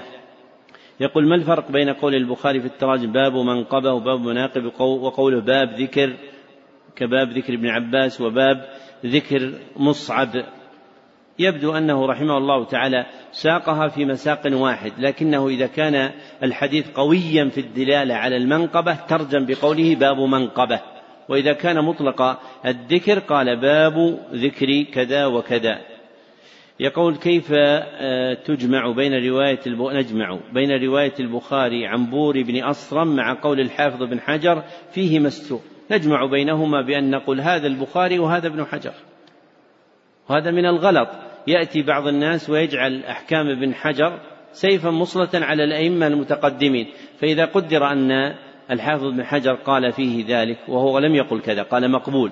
قال فيه مقبول فلا يعني أنه إذا كان مقبولا عند ابن حجر يكون بهذه المنزلة مقبولا عند البخاري. وهذا الرجل بور بن أسرم وهو مشهور بكنيته أبو بكر بن أصرم روى عنه البخاري وهو من شيوخه قال حدثنا أبو بكر بن أصرم وروى عنه إبراهيم بن إسحاق الحربي وهما من الأئمة. فهذا الرجل أقل أحواله أن يكون صدوقا حسن الحديث. فالرجل إذا روى عنه الأئمة ولم يكن له حديث منكر وأدخل حديثه في الصحاح فهذا مما يحتمل حديثه ويدرج في رتبة من يوثق بحديثه. يقول استعاذ النبي صلى الله عليه وسلم من فتنة الغنى ومن فتنة الفقر. ثم ذكر البخاري فضل الفقر. كيف يجمع بين الأمرين؟ من فضل الفقر وكذلك الاستعاذة من الفقر. يجمع بينهما من أن بأن الاستعاذة لدفع البلوى به. فالله سبحانه وتعالى يمتحن الناس بإغنائهم وإفقارهم فيكون لهم فتنة. فمن أفلح في هذه الفتنة وصبر صار له ما ذكره البخاري في باب فضل الفقر. ففضل الفقر هو جائزة لمن ابتلي بالفقر فصبر. فلا اختلاف بين البابين كثير من بل كل النعم هي فتنة للعبد من ربه سبحانه وتعالى. يقول في الحديث الدواء في باب الدواء بالعجوة السحر ما الحكمة من تخصيص تمر العجوة بهذا الفضل وهل يجزي عنه تمر آخر؟ أما الحكمة فالله سبحانه وتعالى يخص ما شاء من الذوات والأعيان بما يشاء من الخصائص والفضائل فجعل لتمر العجوة ما ليس لغيره في دفع هذا الداء فهي خصيصة جعلها الله عز وجل لهذا التمر. وهل يقوم غيره مقامه؟ قولان لأهل العلم. أصحهما أن غيره لا يقوم مقامه لأن الخصوصية في الفضيلة التي جعلت له لا تظهر إلا إذا كان مختصا بها دون غيره. فإن جعلت لسائر التمر لم يكن لتمر العجوة حينئذ فضيلة والذي يظهر أيضا أن تمر العجوة المخصوصة بهذه الفضيلة هو ما بين الحرتين. فما بين الحرتين هو الذي يكون مخصوصا بهذه الفضيلة. يقول أشكل علي ما جاء عن سعيد بن جبير في قوله بعد في تفسير قوله كرسية قال علمه. لا إشكال في ذلك. هذا أحد القولين في تفسير الكرسي. وأصحهما أن الكرسي موضع القدمين. ثبت هذا عن ابن عباس وأبي موسى رضي الله عنهم. وأقوال السلف رحمهم الله كثيرة في التفسير. فإذا جاء شيء من هذه الأقوال نظر فيما يرجح به هذا القول على ذلك القول باعتبار الأدلة مع حفظ حرمة قول القائل الآخر. فلا يصح أن يقول قائل إن سعيدا ينكر ما جاء في الآثار ويفسره بهذا. وإنما فسره سعيد بهذا المعنى مع أن راويه عن سعيد هو جعفر بن أبي المغيرة وفي حديثه عن سعيد ضعف. يقول عرفنا فائدة ذكر قواعد الرجال المفردة المركبة لكن ما فائدة معرفة عدد المرات التي بوب البخاري بها هذا الباب أو ذاك الباب؟ فائدة معرفتها أن الإحاطة بذلك ترسم معالم التصنيف عند البخاري خاصة وعند الأئمة المصنفين في الحديث فيما تقدم. فمثلا إذا مر معنا أن باب اليمين ذكره في أربع مرات وباب يمين ذكره في مرة عرفنا أن البخاري تناول أحكام اليمين من خلال خمسة من خلال خمس تراجم. فهذه الأصول الكلية في معرفة تراجم البخاري رحمه الله ترسم معالم الفهم لصحيحه ومما ينبغي أن يعتنى به ويفهم أن المتون وما قام مقامها يعتنى فيها بالتفصيل الجزئي يعني يجمع المتلقي همته على فهم تفاصيلها. وأما في التصانيف المطولة والأصول العظيمة فلا بد من الجمع بين التفصيل الجزئي والتصور الكلي لأن التصور الكلي يبني عقل المتلقي بناء صحيحا. فمثلا هذا الكتاب اسمه الجامع المسند الصحيح المختصر من أمور رسول الله صلى الله عليه وسلم وسننه وأيامه. لو قال لك قائل ما هي أمور الرسول صلى الله عليه وسلم وسننه أيامه التي ذكرها البخاري؟ فالجواب هي في مئة كتاب ترجم بها البخاري. في بعض النسخ تسعة وتسعين كتاب بعضها ثمانية وتسعين كتاب. لكن في مئة كتاب أولها كتاب بدء الوحي وآخرها إيش؟ كتاب التوحيد. فهذا التصور الكلي للبخاري في كتبه يفسر مقصده في وضع الكتاب. ثم في كل كتاب من هذه الكتب فهم مداركه فيه رحمه الله يعينك على فهم ما أراد بيانه من المقاصد. ولي محاضرة في العلم من خلال تراجم البخاري رحمه الله في صحيحه. فكتاب العلم في البخاري فيه تراجم كثيرة لكن كل تلك التراجم رددناها إلى عشرة أصول. هذا الفهم الكلي يقوي ملكة المتلقي ويعطيه فهما دقيقا لإدراك مضايق العلوم. ويتحقق به المتلقي في الكتب المتينة لأنها تزيد من عقله وتزيد من فهمه ككتاب صحيح البخاري مثلا في كتب الأوائل أو كتاب الشاطبي في الموافقات في أصول الفقه. فهذه الكتب تحتاج إلى تأمل ونظر وفهم لأصول الوضع فيها حتى يرجع المتلقي على نفسه بعلم وافر وراسخ وغزير. لأن الناس إنما ضعف علمهم لإهمالهم معرفة هذه المدارك فيكون تصوره للعلم جزئيا فلا يتصور العلم تصورا صحيحا. وقد تجده يحفظ من الآيات والأحاديث والآثار لكن لا يحسن توظيف تلك الآيات والأحاديث والآثار فيما ينبغي فهمه من بيان الدين وإصلاح المسلمين وإفتاء الناس فيخطئ على الشريعة. فطالب العلم ينبغي له أن يعتني بهذا وأن يعلم أن هذه التراجم التي وضعها البخاري أو غيره ليست شيئا موضوعا جزافا وإنما هو شيء موضوع للنظر والتأمل والتفهم. وأعظم من ذلك كلام الله وكلام النبي صلى الله عليه وسلم. الآيات والأحاديث لا يكفي يا إخوان أن يكون الإنسان نظر فيها نظر مجرد بل لابد أن ينظر فيها نظرا موعبا واسعا. يقرأ الآن سورة البقرة. بسم الله الرحمن الرحيم. ألف لام ميم. ألف لام ميم. أن تمر الآن القرآن على ذهنك. تجد الحروف المقطعة كلها في صدر الصور. لماذا وقعت هكذا؟ لا بد أن تعرف. ما وقع هذا بدون حكمة؟ لا بد أن هناك حكمة يراد منها بيان ذلك. وهي أن هذه السور هي مؤلفة من الحروف العربية التي يتكلم بها العرب وقد أنزل الله عز وجل على نبيه صلى الله عليه وسلم هذا القرآن آية عظيمة وحجة بالغة عليهم. كل ما يمر بك من الأحاديث أيضا. تأمل. لماذا النبي صلى الله عليه وسلم مثلا قال النساء شقائق الرجال؟ ما قال أخوات الرجال. مع أن التعبير بالشقيقة نادر جدا. لا بد أن يكون هذا اللفظ فيه مستكن معنى ينبغي أن تفهمه. فالعمق في الفهم لا يحصل إلا بمثل هذه المدارك. لا تترك شيئا وضعه أهل العلم بلا روية ولا نظر ولا تأمل. لابد أن تتفهم حتى يرجع عليك هذا بالفائدة العامة لأن هذه الفائدة التي تنتج الرسوخ تجعل الراسخ مطمئن القلب. إن تكلم تكلم بعلم وإن سكت سكت بعلم. فيحيا عزيزا يعبد الله ويموت عزيزا يعبد الله. فهذا العلم الذي هو وحي نور من الله سبحانه وتعالى استكن في تصانيف أهل العلم. فإذا أفيض عليك من هذا النور بالنظر والتأمل اعلم أن هذه من أعظم النعم التي أسلاها الله سبحانه وتعالى عليك. فلا يستقلن أحد النظر في تصانيف أهل العلم وتكرار ذلك. البخاري هذا لو قرأته مئة مرة أو سبعمائة مرة كما وقع لابن عطية الأب ليس قليلا. تتأمل في كل شيء. يعني أحد مشايخنا الشيخ عبد الخالق الرحماني قال فائدة هي فائدة لطيفة لكنها شريفة.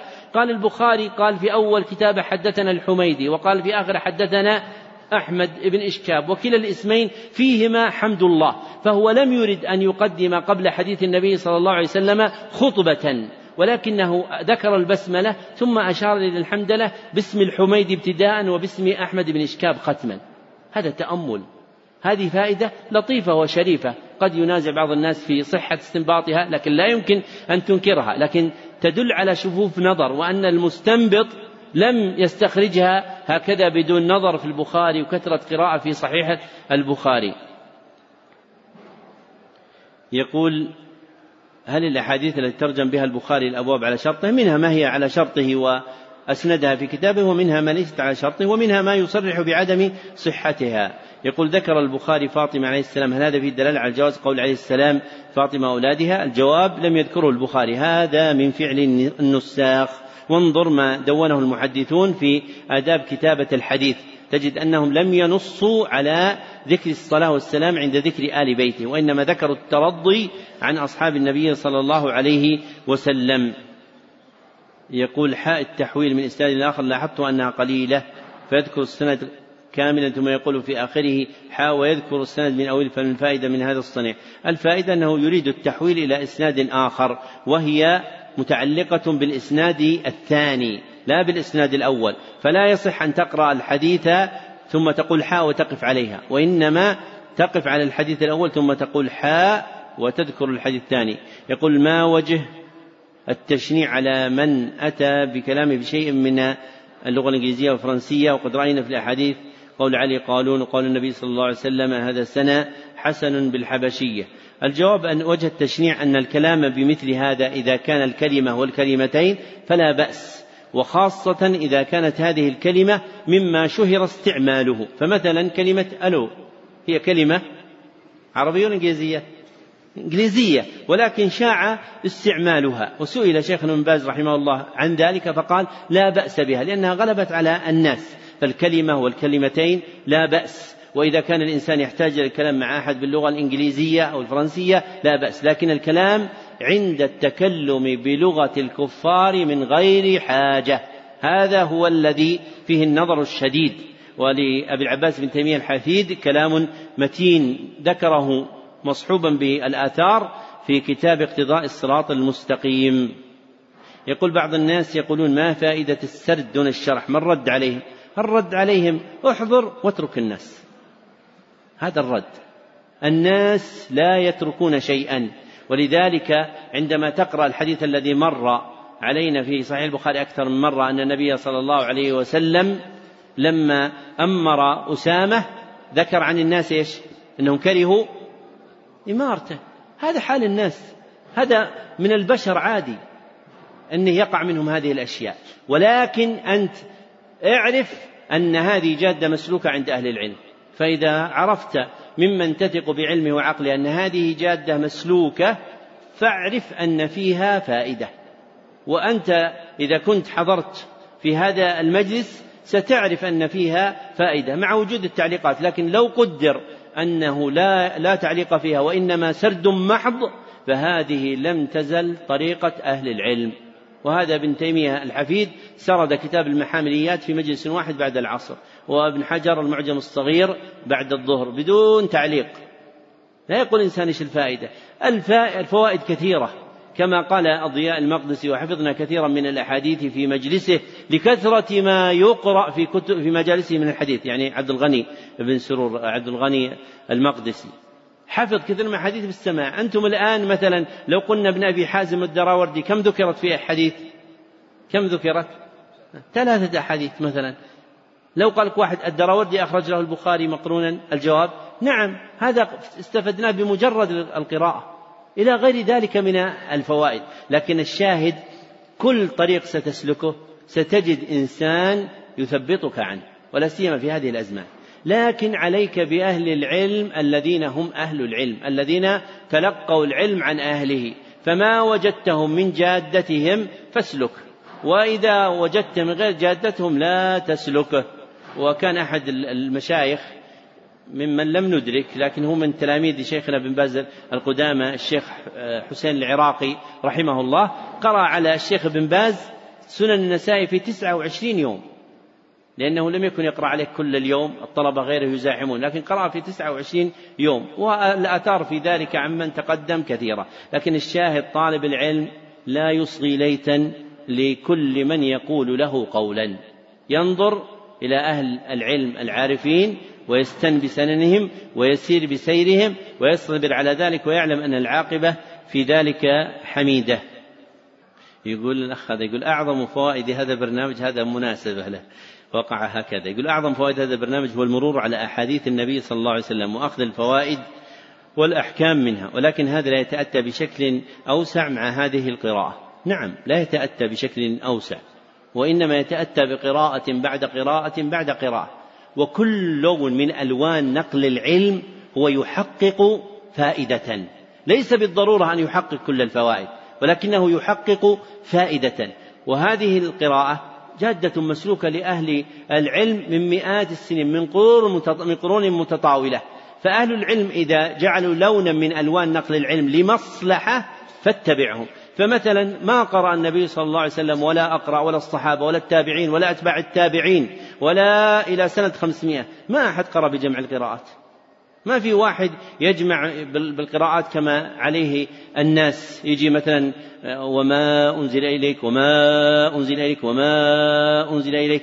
ما كان هذا. وجد من سنة خمسمائة. ثم ما بعدها. لماذا؟ حفظا للعلم. وجد هذا اللون من ألوان نقل العلم لأجل حفظه كي لا يضيع. فيستنى الإنسان بطريقة أهل العلم ويسير بسيرها. مثلا أهل العلم عندهم كتب يسمونها كتب الأوائل مثل الأوائل السنبولية وغيرها. ما كانت قبل موجودة لكنها صارت موجودة لأن كتب الحديث كانت قليلة.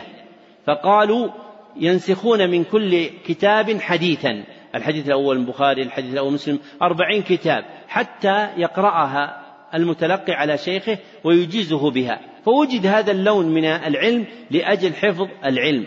فالإنسان ينبغي أن يفك عقله من الكودنة وأن يتفهم مسالك أهل العلم في حفظ العلم ونشره حتى يدرك الخير.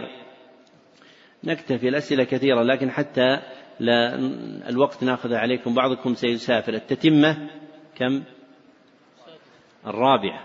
التتمة الرابعة بعض الإخوان حصل لهم فوت والأخوات كذلك. فهؤلاء إن شاء الله تعالى يقضوا أفواتهم فيما يتيسر من وقته وأوقاتهم. في أي وقت وأي حال يأتي ويقرأ إن شاء الله تعالى حتى يكمل هذا الوقت والفوت وينسق معي ويجتهد طالب العلم في استكمال شوته فربما يحصل له من الخير بإكمال هذا الفوت ما لا يحصل لغيره. ومن اللطائف أن شيخا كان لقراء الحجاز اسمه الشيخ محمد بن أحمد حجازي الفقيه توفي تقريبا سنة 1383 لم ندرك أحدا من تلاميذه في الحجاز. لكن كان هناك واحد من تلاميذه في جمهورية بنغلاديش وهذا قرأ عليه القرآن في سفرتين. قرأ عليه في السفرة الأولى أحد عشر جزءا. ثم بعد سنوات رجع إليه وأكمل عليه الختمة. يعني كم قرأ؟ ستة عشر كم؟ أحد عشر تسعة عشر جزءا. فكملت له هذه الختمة في سفرتين بينهما سنوات. أكيد اللي كانوا معه في ناس قايلين له أنت قرأت 11 ليش الفائدة منها؟ ليش ما ختمت؟ ما في فائدة من قراءتك. هذا يفعله الناس عادة. لكنه هو بعد ذلك بعد سنوات رجع وأكمل وبقيت قراءته. التتمة الأخيرة أجزت لكم رواية صحيح البخاري إجازة خاصة وكذلك كتاب الختم الذي قرئ معه. وكذلك أجزت لكل من حضر هذه المجالس في البخاري أو غيره من الكتب السبعة التي قرأناها رواية تلك الكتب خاصة بأي إسناد صح له عني. يعني أي كتاب من الكتب بخاري مسلم اللي قريناها في سبعة إلى الموطأ له رواية ذلك إما سماعا لمن حضر السماع أو إجازة من حضر الإجازة هذه بإسنادي مما ذكرته أو غيره من الأسانيد التي لم أذكرها. فنحن عادة نكتفي بشيخ لأجل مناسبة دعت إلى الاكتفاء به ويبقى شيوخ آخرون يبينون في الموضع اللائق بهم. وهذا الشيخ الذي قرأنا عليه الذي ذكرنا إسناده هو الشيخ عزيز زبيدي رحمة الله عليه. خصصته بذلك لأنه رحمه الله كان أول من قرأت عليه صحيح البخاري وكنت أول من قرأ عليه البخاري تاما لله الحمد في بيته في مدينة لاهور في باكستان. وله شرح على صحيح البخاري. دفعه إلى الشيخ صفي الرحمن الباركفوري لأجل طباعته ثم توفي الشيخ ولم يطبع الشرح ثم توفي الشيخ صفي الرحمن المباركفوري ولم يطبع الشرح وإن كان باقيا فهو باق عند ورثة الشيخ صفي الرحمن المباركفوري وفق الله الجميع حب الله. إن شاء الله تعالى لقاؤنا السنة القادمة ببرنامج جديد من كان عنده أي اقتراح في البرامج يرسل إن شاء الله تعالى وننظر فيه والحمد لله رب العالمين.